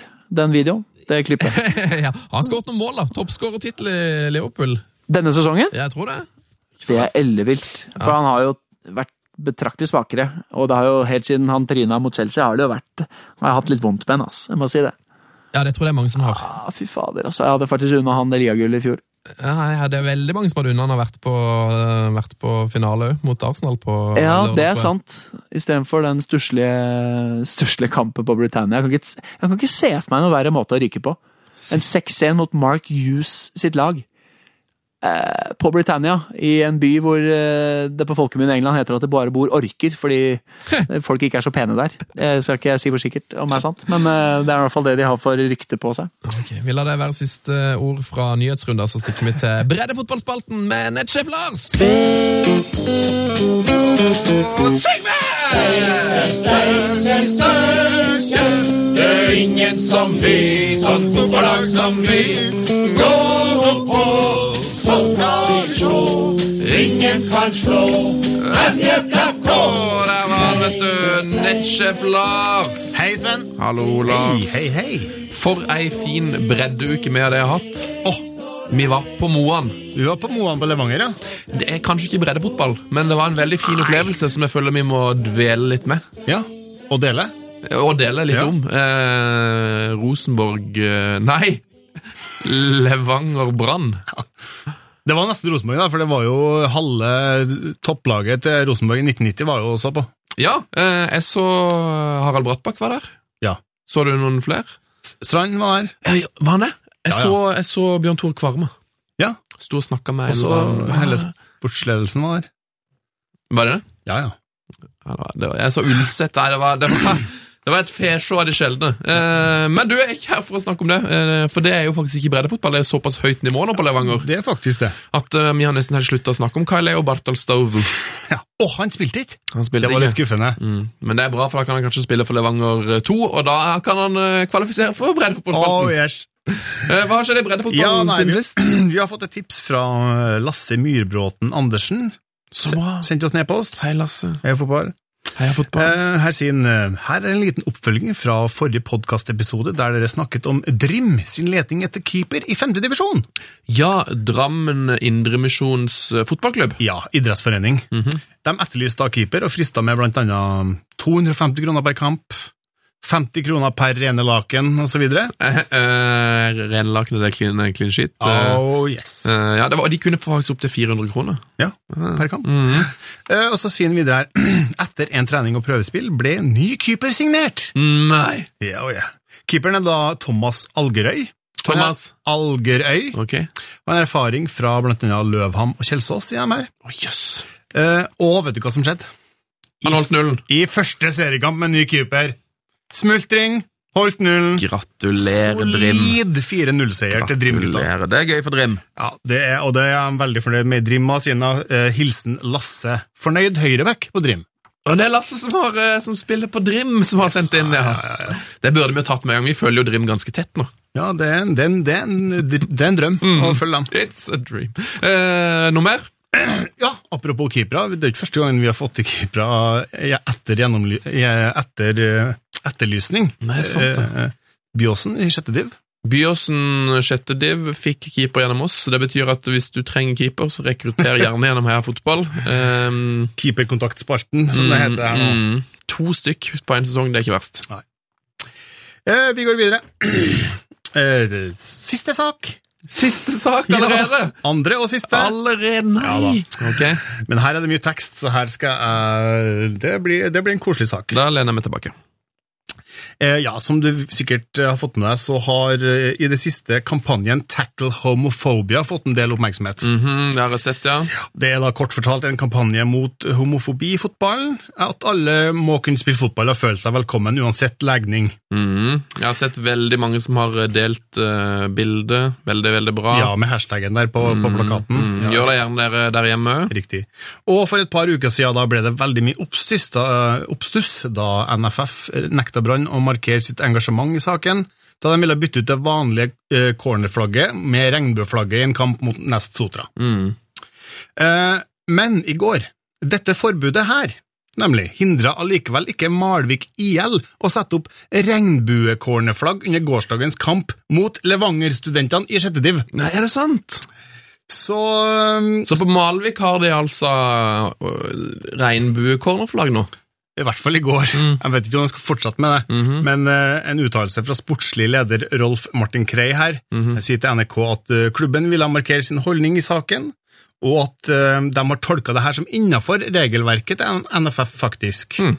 Eh, han sier jo at Malvik har spilt helt uten cornerflagg de siste sesongene uten å ha fått sanksjoner, så de synes det er veldig rart hvis de skal få sanksjoner for å sette opp cornerflagg med regnbuemønster. Rolf Martin Krei, jobber ikke han i NRK?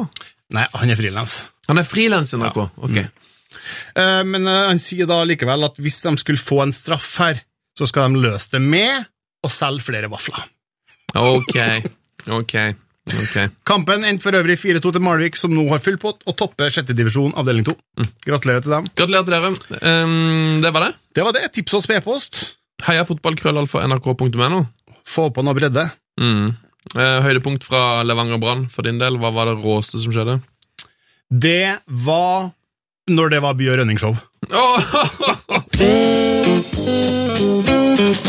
Syng med, da! Steinkjer, Steinkjer, Steinkjer, det er ingen som vil som Oland som vi. Gå nå på, så skal vi slå. Ingen kan slå SJFK. Det var Lars med strålende oppdateringer fra breddefotballen. Har du noe å melde fra breddefotballen, du, Jonas Berg Johnsen? Det må jo bare bli eh, fra min egen tilværelse i femtedivisjon, da. Må det ikke det? Vi eh, hadde kamp på mandag. Ok. Eh, det som er at Vi har et lag i Elver som vi satser på. på en måte, så Istedenfor treninger så har vi meldt på et lag i Sju-serien på mandager. Ok. Eh, fordi at folk gidder ikke dra på trening i sesong. Nei. Men nå har folka på laget mitt slutta å gidde å dra på sjuerkampen også, så nå var vi fem mann.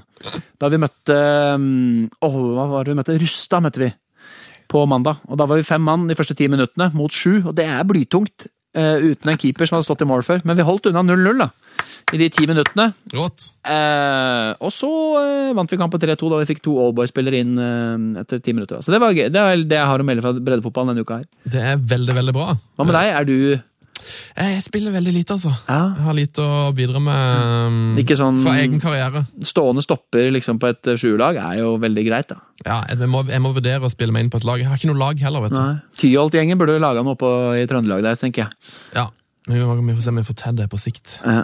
Eh, nå tar vi litt eh, post og brev fra lytterne.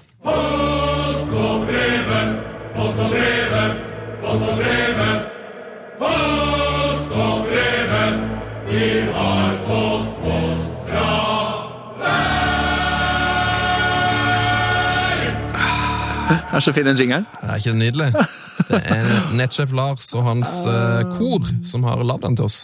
Jøss. Og hans kor, faktisk. Han synger i et veldig tøft kor som heter Svartlamoen Hardkor. Ganske beinhard gjeng. Fett, fett, fett. Uh, røffeste mannskor i Trondheim.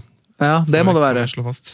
Eh, hvis du der hjemme vil bidra til vår eh, post- og brevespalte, så er vår e-post heiafotballkrøllalfa.nrk.no, og det har eh, Roy Ellingsen gjort.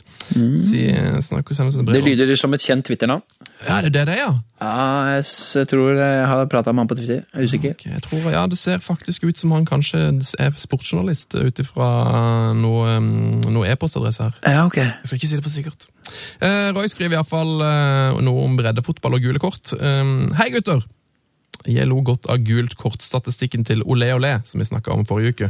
Eh, jeg vet ikke om min gamle helt noen gang slo den rekorden, men jeg har i hvert fall en sann historie fra virkeligheten å berette.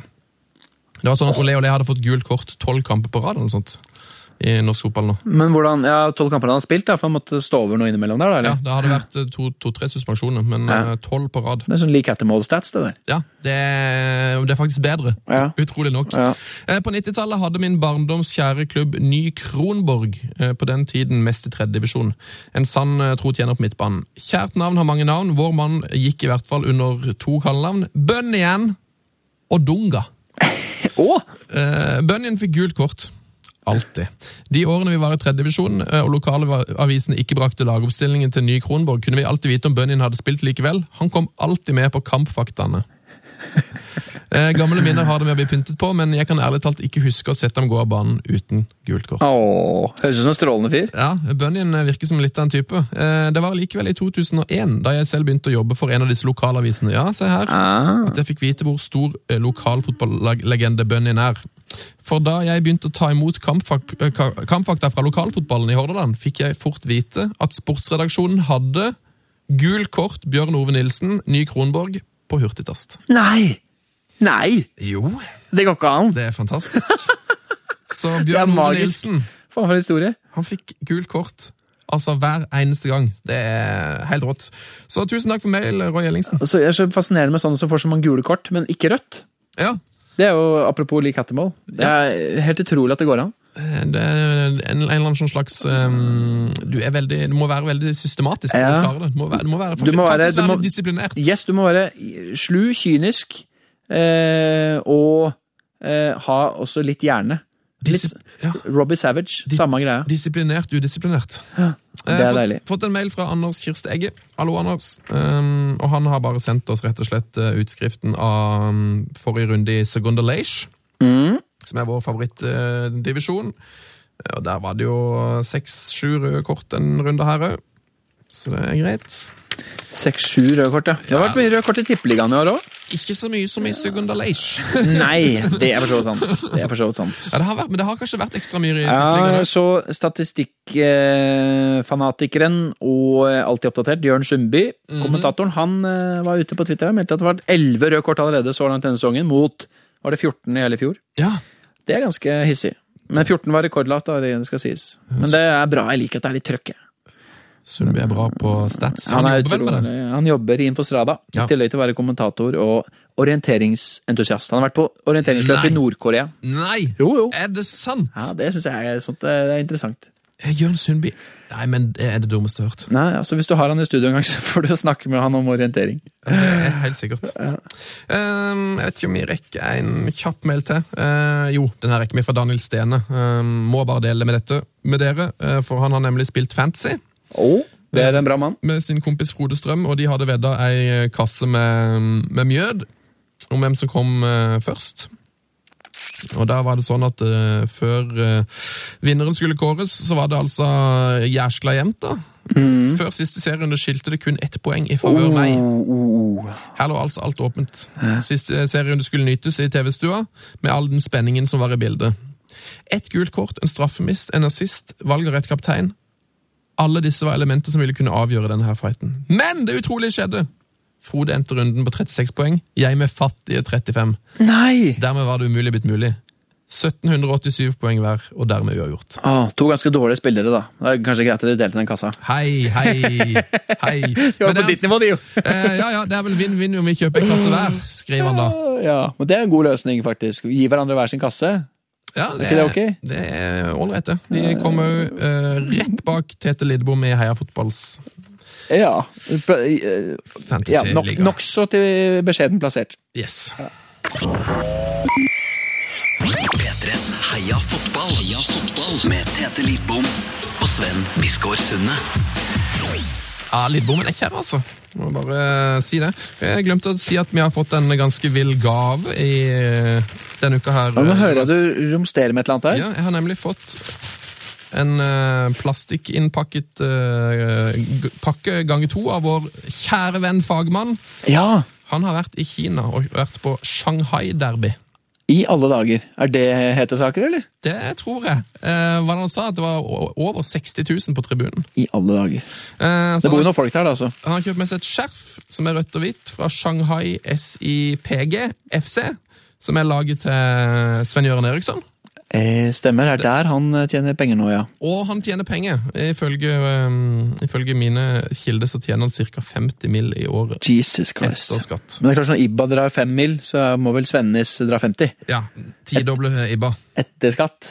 Helskotten, altså. Så vi har fått eh, et skjerf som skal bli en premie her i Heia Fotball på sikt. Jæsklig kult. Det står blant annet, De har liksom tatt emoticons inn i skjerfet. da. Så det står I. I hjerte SIPG.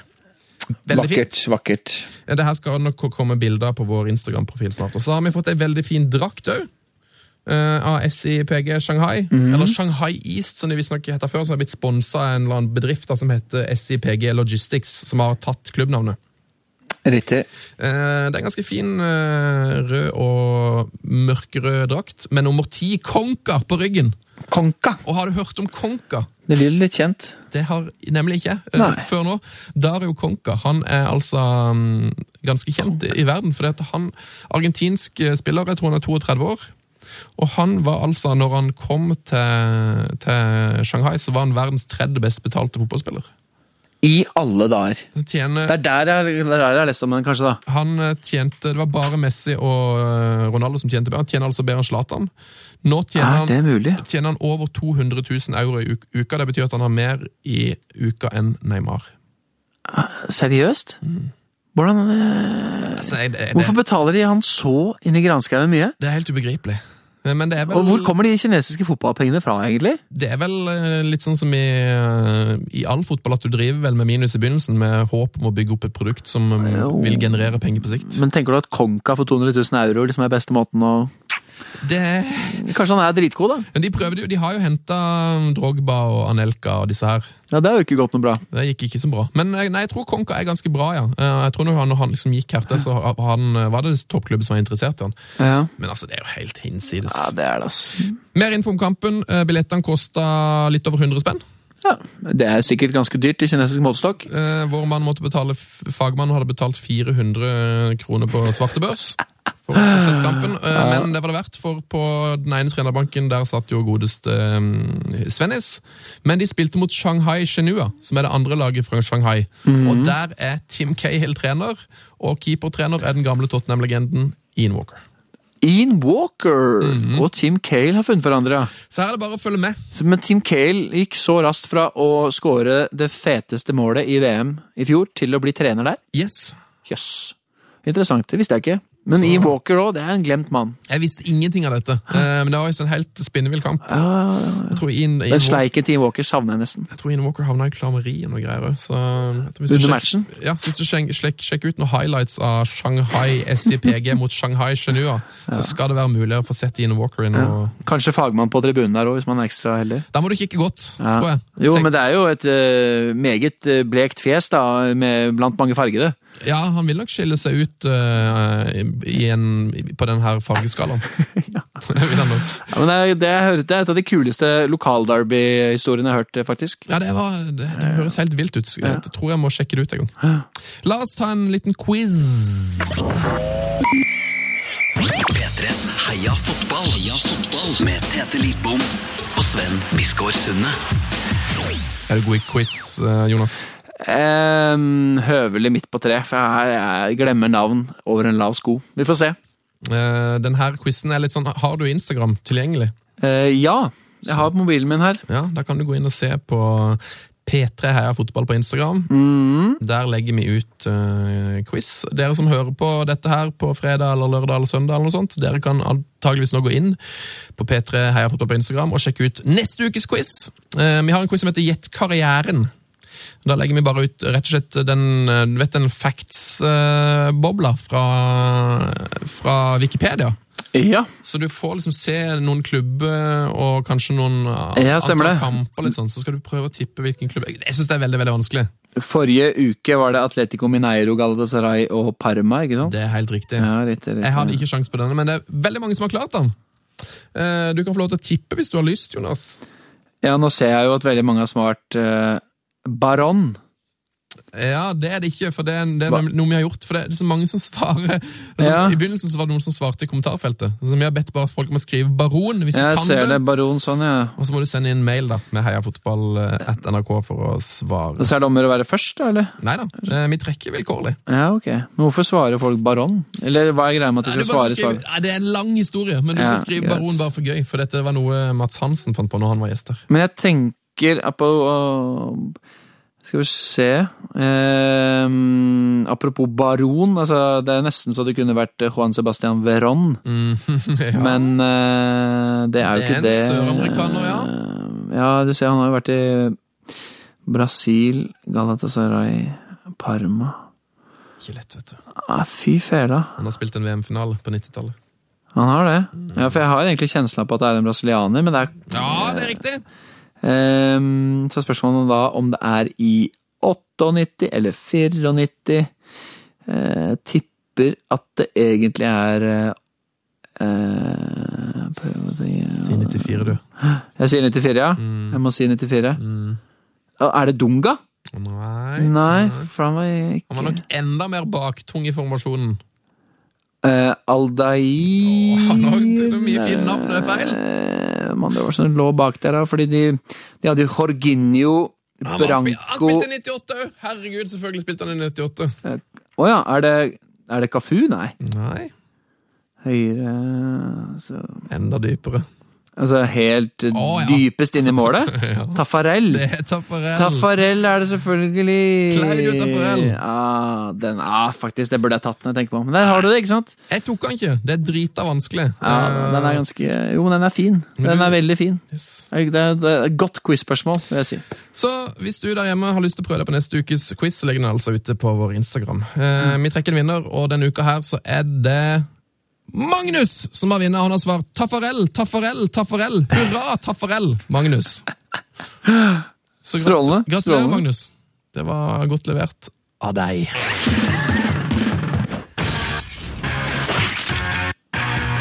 Heia fotballs glory hall. Er du kjent med konseptet, Jonas? Eh, Jeg kjenner til konseptet, ja. Veldig, veldig bra. Heia Fotballs Glory Hall, det er en eh, Det er ikke min favoritt, på en måte. Det, det er Sånn. en hyllestklubb. Er er det ikke favorittspalte, eller tenkte du på, det, på den parallelle betydninga? Parallellbetydninga. Ja, Jeg syns det er en helt meningsløs uh, greie. ja. Du, Nå har jeg sett uh, Joshua King for 20 minutter siden. Har lagt ut bilde av uh, Bournemouth sin stadion, Gold Sand Stadium. Oi! Official new beginning, skriver han. Oi! Det er gøy for Joshua, da, for han var veldig Jeg intervjua han jo forrige uke Oi. på Nettavisen, for de som har sett det i Tippemagasinet, og da eh, var han veldig eh, kritisk til Blackburn. Eh, måten han var blitt behandla på osv. Kan man si man vil om det, men ting tydet på at han kom til å si nei til det kontraktspåslaget han hadde på bordet fra Ewood Park. Og da han ble spurt om Premier League eh, var det som jo har vært målet hans, så smilte han veldig lurt. Eh, Så det her tyder på at ting er godt i boks eh, nå i løpet av torsdagen. Det er jo artig, da. Fantastisk. Kul mulighet. Under Eddie Howe blir det gøyalt. Det blir gøy. Da er vi enda en nordmann. Da er det Hangeland og Da får vi faktisk Nei. Tetti. Ja, Hangeland er jo ute av kontrakt nå og kommer til å forlate Palace. Er du sikker på det? Det er jeg nesten helt sikker på. Å, jeg har hørt jeg har tunge rykter om at han blir. Ok, ok. Men eh, jeg stoler mye mer på dine kilder enn ja, på mine. Lenge siden jeg snakka med Brede Hangeland, så kanskje du har rett. Få høre med han. Men eh, hvis, du, eh, hvis vi skal gå tilbake til Glory-hallen her, eh, Ja. da er det jo sånn at vi hyller våre favorittspillere. Eh, Cafu er der, Maradona, Lloyd Lislevan, Battistuta er der. Mm. Arild Berg, eh, Cantona er der vel kanskje. Det er 50-60-70 manner snart. Um, Ja, det blir, jo, det blir jo en svær bøling. Masse helter. Hvem vil ville du satt inn? Hvem er du er mest glad i? Hvilken fotballspiller jeg er aller mest glad i gjennom alle tider? Ja. Å, fy fela. Det er det Eller er det en du er fascinert av som bare var skikkelig altså, Du var inne på Hillier her. En eller annen som var skikkelig dårlig eller skikkelig kul på et eller annet vis. Det får bli Steve Morrow. En, Steve Morrow. Jeg, jeg name-droppa han så vidt det var i stad òg. Ja, Han spilte sammen med Hiller, han. Ja, og var en elendig fotballspiller. Men han fikk lov til å løpe rundt og lage kvalm og brekke bein på motstanders lag eh, med sine egentlig ganske spinkle bein sjøl òg, Ja. tidlig på 90-tall. Ja.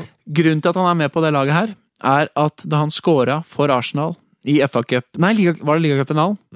Nå ble jeg usikker, faktisk. I 93 spilte Arsenal både liga- og FA Cup-finalen. Vant begge to over Sheffield Wednesday. Eh, Stemmer det. han ble løfta opp på skuldrene av blant annet Tony Adams, og da eh, de var ferdig med å feire, så bare slapp de han. Og han datt ned og brakk armen. Nei! Jo. Eh, og Det er en såpass obskur historie, og det er en fyr som har vunnet trofeer og vært med på mye moro, på tross av at han er så utrolig begrensa. Og Det syns jeg er veldig fascinerende med spillere som kommer så langt da, med ingenting. Ikke sant. Eh, så Steve Morrow får, eh, får lov til å ta plass. Det måtte jo bli en Arsenal-spiller. Selvfølgelig. Eh, det måtte jo det. Men han er, ikke, han er nok ikke eh, favorittspilleren gjennom alle tider, men, eh, men han er en av de absolutte kulteheltene i, i mitt fotballiv. Et perfekt valg. Nå er det på tide å sette inn en ny helt, og i dag har jeg faktisk hatt så dårlig tid, Jonas, at jeg har ikke hatt tid til å skrive det, så i dag blir det for andre gang noensinne, kanskje. En litt sånn er freestyle-versjon. jeg spent. Dagens helt, han um, kommer nok ut og setter spor i fotballen. Eh, veldig, veldig dype spor, eh, iallfall i Norge. Vanskelig å sette fingeren på hva det er med han mannen her, men siden dag én så har jeg likt han. Jeg vet ikke helt hva det er. Eh, han var liksom så rolig og virka så snill og veldig sånn proff. Men det hjalp liksom ikke så mye. Eh, resultatene gikk aldri helt hans vei. Dagens helt eh, han gjorde seg, som jeg sa, bemerka i Tippeligaen. Man kan vel si at han tok eh, serien med storm, men resultatene uteblei. Og han var altså med på et eh, ganske stygt nedrykk. Han er født i eh, Stockholm 1971. Junibarn. Han har spilt eh, midtbane. Det visste ikke jeg før akkurat nå, når jeg leste det på Wikipediaen sin. Eh, han har vært uh, Han har vel fire kamper for Brommapoikene i 1990-1991. Men så gjorde han karriere som trener. Han er alltid velkledd. Han har eh, noen ganske stilige sko. Det kan jo du skrive under på, Jonas. Og han har nettopp fått sparken i Brann. I dag er det på tide å hylle Rikard Olof Nordling. 43 år gammel trenerlegende. Eh, jeg, jeg, har en sånn crush på Nordling, eh, og jeg syns det er så synd at ikke det gikk. Men nå er det fint for det, Rikard. Nå kan du slappe av. Kan du reise videre, eh, komme deg hjem til Sverige, finne en klubb som er perfekt for det og ditt ambisiøse vesen. Så kan du ta de tilbake til topps.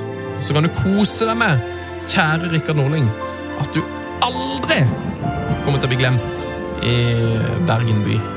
Så velkommen inn i Heia Fotballs uh, Glory Hall, Rikard Nordling. Ja, fortjent. Ja, Vakkert og veldig hyggelig gest til en uh, veldig sympatisk og hyggelig fyr. Som dessverre ikke ser ut til å ha fått uh, skikk på trenerkarrieren i Norge, i hvert fall. Nei, langt derifra. Det må man jo kunne si. Det har på en måte vært en sånn 18 måneder lang Han ble jo tatt imot på en overdreven Messias måte, stakkars Rikard. Så det, det var på, kanskje dømt til å gå som det har gått. Men eh, det var litt av forside i Bergensavisa da, i, på, på torsdagen her. Den Ja. har jo fått eh, hard medfart. For tre valg. Ja. Men eh, du sa jo også nå kan du reise hjem til Sverige. Kanskje han har tatt en av de flightene der. Ja, får håpe det. I og med at det ble pressekonferanse seint onsdag kveld, så ja, Det er jo sånn det er. Synd. Sånn er det. Med at det ikke alltid fungerer. Og i Bergen så fungerer det jo veldig ofte, eller oftere ikke enn at det funker. Så sånn er det. Nye muligheter. Jeg er veldig spent på hvem som overtar. Lykke til på veien, Rikard Norling. Og Jonas Berg Johnsen, lykke til på veien, du òg. Ja, det, den eh, veien er fin. Så bra. Jeg... Ja, nei, da eh, absolutt. Gleder meg nå. Det er mye, mye moro som skjer neste ukene. Du skal jobbe på Norge-Sverige på mandag. Norge, Sverige Ja, det er vel ikke førstkommende mandag, håper jeg. Da ligger jeg jævlig bakleksa. Nei, det er vel ti dager unna, kanskje. Ja, og så det, og så er det Aserbajdsjan, og så er det litt sånn tippemagasin og tull og tøys. Det blir veldig fint. det. Kos, kos. Eh, veldig hyggelig å ha deg innom. Eh, og- Strålende hyggelig, og du eh, må si klart det er fint alene. Vi klarte oss uten Tete. Du, du har klart det, altså. Jeg skal hilse fra Du har potensial som soloprogramleder. Jeg har det, ja. Ja, jeg vil si det. Det er godt å høre. Jonas Berg Johnsen, eh, god helg, og ikke minst, heia fotball. Heia fotball. Frank de Boer speelt de bal. Heel goed naar Dennis Bergkamp. Dennis Bergkamp. Dennis Bergkamp neemt de bal aan. Dennis Bergkamp. Dennis Bergkamp. Dennis Bergkamp. Dennis Bergkamp. Dennis Bergkamp. Oh! Frank de Boer speelt de bal naar Dennis Bergkamp. Die neemt de bal feilloos aan. En ik schiet de bal erin. We spelen nog officieel 20 seconden. Dennis Bergkamp. P3s Heia fotball. Episode hver fredag. Last ned din nye favorittpodkast på p3.no podkast. P3.